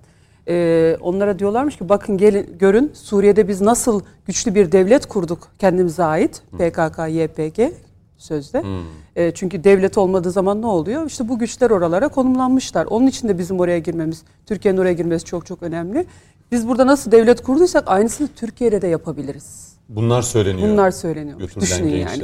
Yani ne kadar aslında haklı olduğumuzu ya bu gençler orada yıllarca yaşamış olan gençler. Yani o Suriye'de e, sözde devlet dediği topraklarda yıllarca yaşamış olan e, gençler. Yani Suriye'ye gerçek Gidip gördüklerindeki tablo o önemli. Hani söylenenler propaganda bu şekilde yapılıyor. Gelin bakın. Ama gidip görüp daha sonra işte annelerin de çağrısı, ailelerin çağrısı Evet. E, ve sonrasında tekrar gelip e, aileleriyle buluşan ve tekrar devletine sığınan Yani gençlerin anlattıkları Yüzlerce genç mesela e, çok kısa zamanda bir tanesi diyor ki ben çok kısa zamanda 70 tane e, e, kuyu açıldığını gördüm. Petrol kuyuları Amerikalara e, Amerikalı bir şirketin Hmm. e, ku- kuyuları. Bütün petrol işleri zaten orada dönüyormuş. Yine bir şirket vardı diyor bir yerde anlatıyor. Orada işte Amerikalı bir maden şirket, şirketi vardı diyor. Yani oralar zaten parsellenmiş. İşte e, Suriye'yi tamamen talan etmiş durumdalar. Yani herkes bir köşesine e, kapmış. Ama orada e, orayı onlara nöbetçi olarak Ara da çocuklar ölenler sadece Kürtler. Herkes çıkarını tabii ki yürütüyor. tabii şimdi Kürtlerin Türkiye'den çocukları. çocuk götüremedikleri için Suriye'de tamamen bu çocukları, bu gençleri onlar e, e, himayeleri altına almışlar. Hatta oradan kaçan bir genç örneğin e, kaçtığı zaman e, köylülerle karşılaşıyor. Diyor ki biz asla Suriyeli köylülere sığınmayız çünkü köylülerin hepsi örgütlü halde.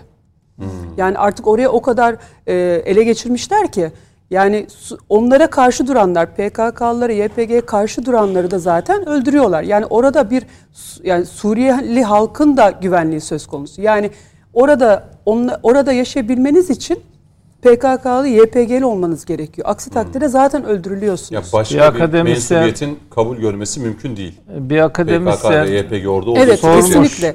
e, şeyleri, YPG'lileri demiş ki ya burada muhalif olanları ne yapacaksınız? Mesela Barzani taraftarı var, muhafazakar Kürtler var. Kamyonlara doldurup memleketine göndereceğiz. Ne yapacağız? Onlarla mı uğraşacağız yani? Demokrasi şeyleri de bu yani. Ya, ya iki terör örgütünden demokrasi mi olur da yani? Yani ve orada da o kadar e, onlar e, işte kendilerine güveniyorlar ki zaten oradan diyor bizim kaçmamız imkansız. Kaçabilenler Irak'a geçtiklerinde araziye onların arazi dediği Irak'a geçtiklerinde ancak kaçabilmişler. O Suriye'den belirtilen bölgeden kaçmaları neredeyse imkansız. Peki genel itibariyle bu kitabı bugün getirmişsiniz. Ağırlıklı olarak bunlar var zaten henüz. Hem Suriye'de hem de Irak'ta. Evet. Ee, işte Diyarbakır'da annelerin işte o evlat nöbetinde. Ee, bu kitapta pek çok şeye yer veriliyor.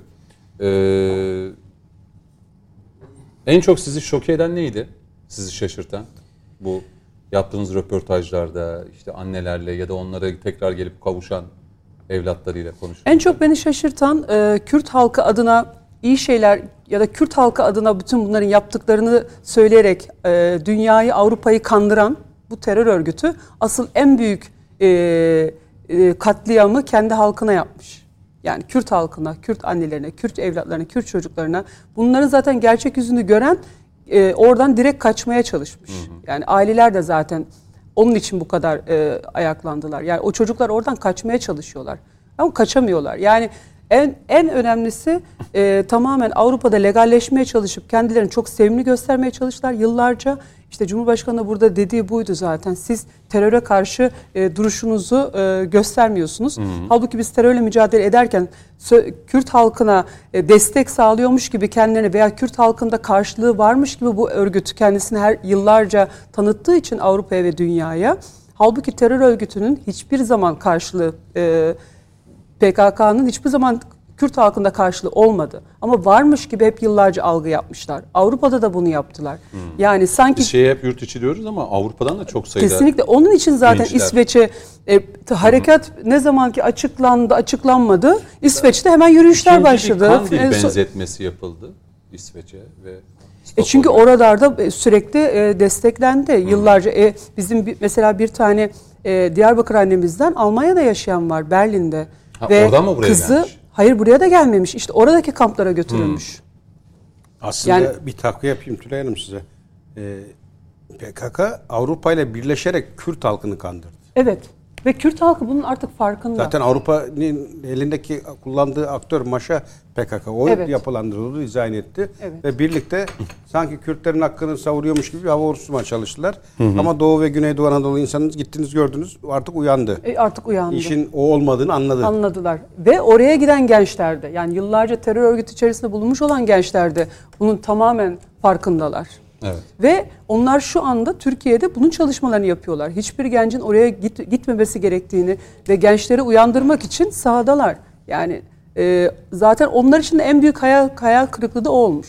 Öyle yani mi? biz zannediyorduk ki bizim için de bütün bunlar. Halbuki hiç onlar için değildi. Her şey aslında güçlü devletlerin e, e, orada e, işte petrolünü korumak içindi, kuyusunu korumak içindi ya da birilerinin e, e, organize suç örgütlerinin maşası olmak içindi. Peki. Sadece insan kaynağı. Yani Evet. öldürülmeleri zaten öldürülsün diye onlar oraya götürülüyor. Yani ilk iki sene içerisinde de normalde e, ölmüş oluyorlar. E, dayananlar da işte kaçmaya çalışıyor. Fırsat bulduğunda da Evet. kaçmaya ya da kaçmaya yeltenenlerin de çoğu zaman örgüt tarafından infaz edildiğini biliyoruz. Çünkü Şimdi aslında- sevgili yönetmenime bir- kaç Peki bir 10 dakika belki 2-3 dakika daha alabilir. Bir cümleyle takviye edeyim pazarlık. konuyu. Yok, burayı bitireceğim. Burayı bitireceğim. Önemli bir cümleyle Peki. takviye. Ben e, 86 kıtaya ilk çıkışım. 84 Töder'in zirve yaptığı dönem böyle doğuya gittik. Oradaki halkla oturduk sohbet ediyoruz. Bir tane yaşlı büyük e, doğudan bana aynen şunu söyledi. Dedim nedir mesele? Bir yoklayayım sorayım diye. Hepsi dedi hikaye bunların dedi kendi şivesiyle. Esas dedi iş dedi e, işin dedi aslı dedi petrol. Esas işin dedi arkadaki e, katili Amerika'dır dedi. Bölge halkımız zaten baştan beri o kadar feraset sahibi ki oyunu tuzağı çok iyi biliyor ama yapacak bir şey yok. FETÖ içeriden, dışarıdan Amerika çember almışlar. PKK bir yandan. Maalesef o acı süreci yaşadık ama insanımız hakikaten bu konuda bilinçli ve şu an zaten bir- o bilinç bütün tabana yayılmış durumda. Peki. Ee, şimdi tüm bu mevzuları konuşurken belki bitir, bitireceğiz. Herkese bir- bir- birer ikişer dakika vereceğim. İzleyicilerimize diyecekler ki belki esas bunları konuşmanız lazımken öyle gündem başlıkları ortaya çıkıyor ki fahiş fiyatlarla mücadele İhsan Aktaş. Bu seçim satına da girdiğimiz için yani bir yıllık bir artık zaman kaldı. Bu, yaşanan tablo, ekonomideki gelişmeler e, seçimi çok fazla etkileyecek mi? Seçimi belirleyici bir ki süre daha fazla Sayın Ekonomi Bakanı'nı da Sayın Cumhurbaşkanı'nı da dinlediğimizde e, yaz ayları ve yaz aylarının sonu itibariyle hem enflasyon hem faiz fiyat e, artışları yani bunun bir dengeye oturacağını belirtiyorlar. Sözü buradan size vereyim. Ya ekonomi şeyi belirler. Son olarak da ev kiraları bir taban Tabii, tabii. taban Yani fiyat şöyle, bakanlar bir araya yani geldi. Ekonomi seçimi etkiler. Her zaman etkiler. Niye? Yani Türkiye'nin hizmetlerde, yatırımlarda çok fazla açık kalmadı. Yani bir memleketin yolu ihtiyacı olsa, hastane ihtiyacı olsa, savunma sanayinde büyük açıklar olsa, başka başka alanlarda e, iktidarlar çıkıp bunu vaat edebilirler. Aslında Türkiye'de 100 yıllık altyapı kuruldu. Sadece bunun üzerine inşa edilecek ekonomi meselesinde açık var. Şimdi bunu iki türlü bakmak lazım. Bir iktidar açısından bakmak lazım. Şimdi iktidar bu can yakıcı sorunla uğraşıyor. İşte çabalıyor, uğraşıyor. Diğer tarafta muhalefet açısından baktığı, bakıldığı zaman da aslında bu ekonomik darboğazın ya da can yakıcı ekonomik sorunların da iktidarı yeteri kadar yıpratmadığını düşünerek muhalefet daha çok agresifleşiyor. Bu dilin sertleşmesi, kontrolden çıkmış bir üslubun bir sebebi de budur. Ya daha ne olacak ki bunlar çöksün? Hani böyle psikolojiler özellikle de bu Ukrayna Rusya arasındaki savaşta Türkiye'nin arabuluculuk rolünü güçlenmesi o Cumhurbaşkanımızın iki heyet tarafından da alkışlandığı zamanlarda bir anda böyle 2-3 puan da olumlu hava oluştu. Fakat sonuç şudur. Ben bu dış politika örneğini bilerek verdim. Ya Sayın Cumhurbaşkanımız bir meseleyi esastan ele aldığı zaman bir çıkış yolu buluyor. Hmm. Bu esastan ele almak da şöyledir. Yani diyelim ki hala mesela Cumhurbaşkanımızın yatırım hevesi, hizmet yani şöyle Proje. de bir fark ortaya çıktı. Hani muhalefet ne derse desin o uluslararası ilişkilerde, hizmetlerde, yatırımlarda, açılışlarda o hizmet tarafını kesmiyor. O şeye devam ediyor. Yani memleketi öncelemeye devam ediyor. Burada sanki yani diğer meselelerin toplamını böyle e, yüzde yetmişe alırsak e, Cumhurbaşkanımız ekonomiyi birinci elden birinci elden sürekli müzakerede masada, masada tutarak daha çok ilgili olması gerektiğini düşünüyorum. Çünkü şöyledir. Bazı liderlerin bazı özellikleri var. Ya Sayın Cumhurbaşkanımızın iyi kötüden ayırt etme, doğru tercihte bulunma, doğru şeyi tercihte bulunduktan sonra da onun üzerine gitme şeyi var, vasfı var. Mesela bu şeyle millet bahçeleri belki de böyle küçük bir siyasi iddia gibi başladı. Bir seçim şeyiydi, beyannamesinde zikredilmişti. Bugün muhtemelen e, herhalde bunu Bakan Bey'e sormak lazım. Bine yakın millet bahçesi açıldı ve milyonlarca milyonlarca metrekare yeşil alanla buluştu. Zaten kentlerimiz böyle büyük zorluklar yaşıyor. Bu anlamda ben şöyle düşünüyorum. Şu an şeyi seçimi en fazla e, AK Parti ciddiye alıyor. Cumhurbaşkanımız ciddiye alıyor. Hı hı. Bu ciddiyetin içerisinde ekonominin üçte bir pay sahibi olması gerektiğini düşünüyorum. Peki. Bir de şöyle bir arsızlık ortaya çıktı. Yani bir ürün e, enflasyona göre fiyatlanabilir, makuldür. Dövize göre fiyatlanabilir, o da makuldür. Hı. Şimdi üç türlü fiyatlama çıktı. Kişi ürünü enflasyona göre bir fiyatlıyor. Dövize göre bir daha fiyatlıyor. Hmm. Sonra alacağı mala göre bir daha e, kat, üç ya şu telefonu 10 liraya aldın 15 liraya sat, sattıysan hı telefonun fiyatı 20 lira olduğunda bugünden niye 20 yapıyorsun? 20'yi al 25'e sat onu en da. Son çay fiyatlarında bunu gördük. Burada Daha ben şöyle alımı, bir şey görüyorum. Yani yaş çay alımının fiyatı evet. açıklandı geçen senenin mahsulü marketlerde hala raflardayken evet. 30 liralık çay bir anda baktık 60 lira oldu. Burada yani işte bir de Ticaret Bakanlığı'nın bu liberal ekonomiye biz biraz fazla inandık galiba. Planlamayı yani özellikle tarım ürünlerinde hı hı. planlamanın tekrar merkeze alınması lazım. Serbest piyasada da denetim yoktu. Ticaret Bakanlığı'nın bu süreçleri denetlemek için muhtemelen bir kadro artışı ve hı. önemli yazılımlarla süreçleri desteklemesi lazım. Yani piyasada 10 yıl sorun yoksa geçen birisi biraz da küfürlü bir tweet atmış. Bedava yaşıyormuşuz lan demiş bugüne kadar. Şimdiki bugünkü fiyatlarla eskiyi değerlendirince. Niyetinde devletin görevi nedir? Vatandaşın Hı-hı. gıda güvenliğini sağlamak, makul ürü, şeyde ma, mal temin etmek. Burada bu stoklara fazla odan, odaklanman doğru olduğunu düşünmüyorum. Fakat bir Rus vatandaşı ilginç bir şey söylemişti. Rusya'da e, belli grupların belli malları elde etme şeyinin yüzde yirmiyi geçmemesine devlet dikkat eder demişti. Hmm. Yani mesela devlet A, belirleyicidir. Yani e, ya tamam, devlet tamam, gözlemler hmm, bir grupta türösleşme yüzde yirmiden fazla şey olduysa mesela bu şeyin zincir marketlerin ya da AVM'lerin kent merkezlerine girmesi bizim mesela bakkal ve toptancı sistemimizi çökertti. Doğru. Belki de toptancı ve bakkal sistemimiz kalsaydı bir alternatif olarak şey yapardı. Bir de öyle düşünüyorum yani ki. o lonca ve kooperatifçilik dediğimiz teşkilat evet, biraz kooperatifçilik, hı hı. besicilik, evet. insanların kendi e, şey tarlalarını ekip biçmesi hı hı. E, galiba tarımda tepeden tırnağa bir ekosisteme hı. ihtiyaç var. Peki. Ve şu anki sistem bence yürümüyor. Tarım artık şey kadar savunma sanayi kadar stratejik hale stratejik geldi. önemli. Peki. Bunu da şöyle sadece Tarım Bakanı'na bırakmamak lazım. Burada bir şura falan da yapılabilir diye düşünüyorum. Üniversiteler, Tarım bilim insanları. Ee, zor bir, en zor seçim demiştiniz Gürkan Acır Erdoğan için. Tabii. Bu ekonomide yaşanan gelişmeler muhalefet için en büyük koz mudur şu anda tek başına seçimi kazanması adına? Valla yani şu anda hiç kimseyi hı hı. E, şey yapmayın, ayırt etmeyin. Herkes çıksın sokakta durumu görsün. Görüyor. Görüyoruz, Hepimiz görüyoruz. görüyoruz. Bunu herkes kabul Bu ediyor. inanılmaz. Ben böyle bir şey, böyle bir hiper enflasyon dönemi, böyle fahiş fiyatların olduğu, hele kiraların korkunç bir seviyede arttığı bir dönemi hatırlamıyorum. Ne Özal döneminde böyle bir şey gördük, ne Demirel döneminde gördük, ne Tansu Çiller. Yani Türkiye 2001 krizi yaşadığında da böyle bir şey olmadı. Bakın görece 2001 krizi buradan daha büyük bir e, dalgalanmaydı döviz bazında. Hı hı. Daha büyük bir dalgalan ama böyle bir kriz vatandaşa yansımamıştı. Korkunç bir durumda. Buna e, nasıl bir tedbir alınacak bilmiyorum. Özellikle kiralar konusunda yani nasıl tedbir alınabilir ona da aklım pek ermiyor. Çünkü her semte... Bazı formüller düşünüyor. İşte formüller Mesela ama... Beşiktaş almış başını gitmiş kira fiyatlarını şu an İstanbul'da Beşiktaş. Hocam şöyle bir şey Çok... söyleyelim. 3 bin liraya oturan adam şu anda 10 bin lira verir miyim vermez miyim onun telaşında. Evden çıkmıyorlar. Ee, bir de şu başladı. Davalar çoğaldı. Bir de şu anda Kiracı, bakın daha tehlikeli sahibi. bir şey daha söyleyeyim. Ee, şöyle bir durum da var. Ülkeye bir ilginç bir yabancı para da girmiş durumda. İlginç bir hmm. şekilde yani Rus var, İranlı yatırımcı var. Bunlar nasıl şekilde ev alıyorlar onu da bilmiyorum. Ama mesela benim yaşadığım Kadıköy'de geliyorlar, hmm. evi alıyor ve diyorlar ki hemen çık.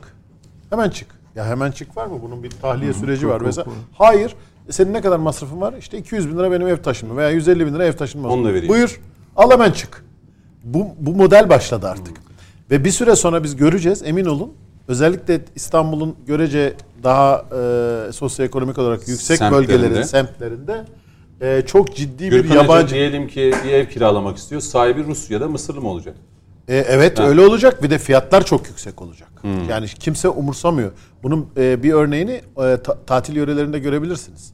Tatil yörelerine lüks otellerin tamamı şeyler tarafından e, yabancılar tarafından kapatılmış durumda. Yani biz Türkler kenarda Burada köşede. çıkana teşvik verme Türkler arasında da başlamış. Yani ne Evet. kadar masrafın var? 150 tam al 150 lira çıkar. Neden ama? Çünkü o evi Daha çok. alıp al satla 2-3 milyon kazanacak belki de. Diyor ki yani 100 bin 200 bin vereyim hemen çıksın. Bu kontrol edilebilir bir şey değil. Bakın büyük toplumsal çöküşler başlar. Ben e, şimdi şöyle söylüyorum. İlk büyük dalgalanma Ocak ayında başlamıştı. İnsanlar yavaş yavaş bunu hissettiler. E, Mart'a geldiğimizde Nisan'a. Şimdi Mayıs'ta artık insanlar kredilerini ödeyemez, kredi kartlarını ödeyemez hale gelirler. Bir iki ay içerisinde çok daha e, ciddi sosyal bunalımlarla karşı ben- karşıya evet, kalırız. Bugün iki gayrimenkul danışmanıyla gündüz yayında konuştuğumda şöyle e, bir soru yönelttim. Dedim hani bu kira fiyatları öyle bir artıyor ki 2 çarpı 3 çarpı 4 çarpı olmuş durumda. İstanbul'a e, atanan bir öğretmen şimdi gelip hadi ev buldu diyelim. Kiralık ev de buldu. E, ortaya çıkan kira aldığı maaş hani şey yaptığı zaman Kaçı surette as- karşılanır? Asgari ücrette mesela daha önceki rakamla ev kiralarına baktığımızda yüzde otuz, yüzde kırk hani bir kıyaslamayla karşılıyordu. Ee, şimdi e, evet bu kira konusunda bakanlıklar da devreye girdi. Herkes de çok merak ediyor nasıl bir formül. Dikkat ederseniz toplantı uzun uzuyor. sürdü, Mesela uzun AK Parti sürdü. genelde bugün konuşur, tabii. yarın çıkar Evet, açıklardı. evet. Uzun sürdü bir ama hafta Hayır on bir çalışıyorlar. konulmaz ki. Tabii, tabii. Mesela ne diyeceksin? Nasıl Tabii, frenleyeceksin? tabii. Bir sürü tedbir almak lazım. Evet evet. Bir, Bir de şöyle var. piyasalarda fazla para arzı var. Bu bütün dünyanın sorunu. Pandemide bütün devletler piyasaya para pompaladı.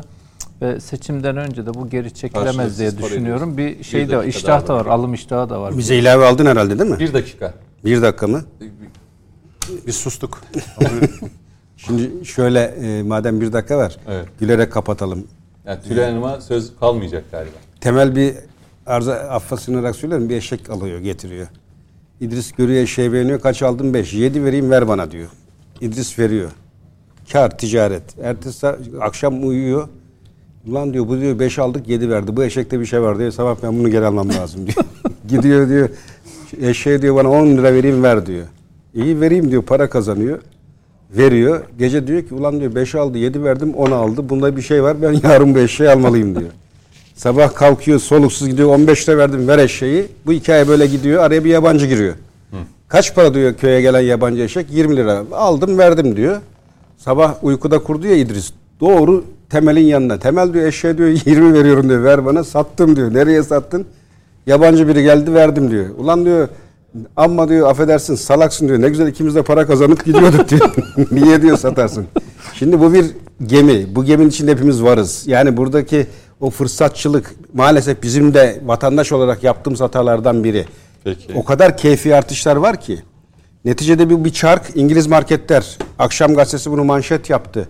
Ee, karar aldılar dediler ki dünyadaki bu şu anki ekonomik krize yönelik tedbir almalıyız. Fiyatları acilen aşağı indiriyoruz. Anlaştık dediler. Cüzi bir karla. Bizde neden olmuyor? Çünkü oradaki marketler İngiliz. İhsan hocamın dediği doğru. Burada tekelleşmek zaten büyük bir sakıncaydı. Maalesef bunu yaparak Fıkrayla bence bitirseniz çok güzel olacaktı Başbuğ. ama bazı güzel de öyle bitirelim Evet, bence. Hol- Hollanda'da Bazı ger- ev fiyatları için gerçekleri de görmek 30 var. saniye Hollanda- Hollanda'da- da bari bir şey söylesin diye. Hollanda'da e, işte kiralar Evet. için onu yaptı. Yani bir ta- kesinlikle bir tavan fiyat belirlenmesi gerekiyor. E, hükümete Hollanda'da kimse itiraz etti mi buna? yok etmedi. Yok, etmedi. Öyle bir şey kimsenin lüksü Anladım. yok. Devlet bir karar aldı. Evet. Tüm paydaşlarla görüştü Yani ve hükümetinden hükümetten de beklenilen gerçekten kiracıyı e, artık koruması, ev sahiplerinin değil. Çünkü ev sahibi olanlar zaten çok fazla evleri olduğu için bunu artık tamamen e, serbest piyasada ticarete döktüler. Gerçekten kiracının e, koruyup kollanması gereken bir dönemdeyiz diye Peki. düşünüyorum. E, Nasrettin Hoca misali bugün ben dinledim paydaşları. Herkes kendine göre de haklı. Yani Nasrettin Hoca da bu mevzuyu dinlese ev sahibini, müteahhiti, kiracıyı, mal sahibini haklı bulur diye düşünüyorum. Gürkan Hoca teşekkür ediyorum. Ben teşekkür Sağ olun, ederim. Bugün geldiniz. İhsan Aktaş çok teşekkür ediyorum. E, Tülay Demir Oktay bizimle beraberdiniz. çok Teşekkürler. Coşkun Başbuğ teşekkür ederim. Mehmet Biz Metiner teşekkür yoktu. Önümüzdeki hafta bizimle birlikte olacak. Bu bilgiyi de vereyim efendim. Güzel bir akşam geçirmeniz dileğiyle. Programı tekrarı bu gece. Önümüzdeki hafta tekrar buluşuncaya dek hoşçakalın.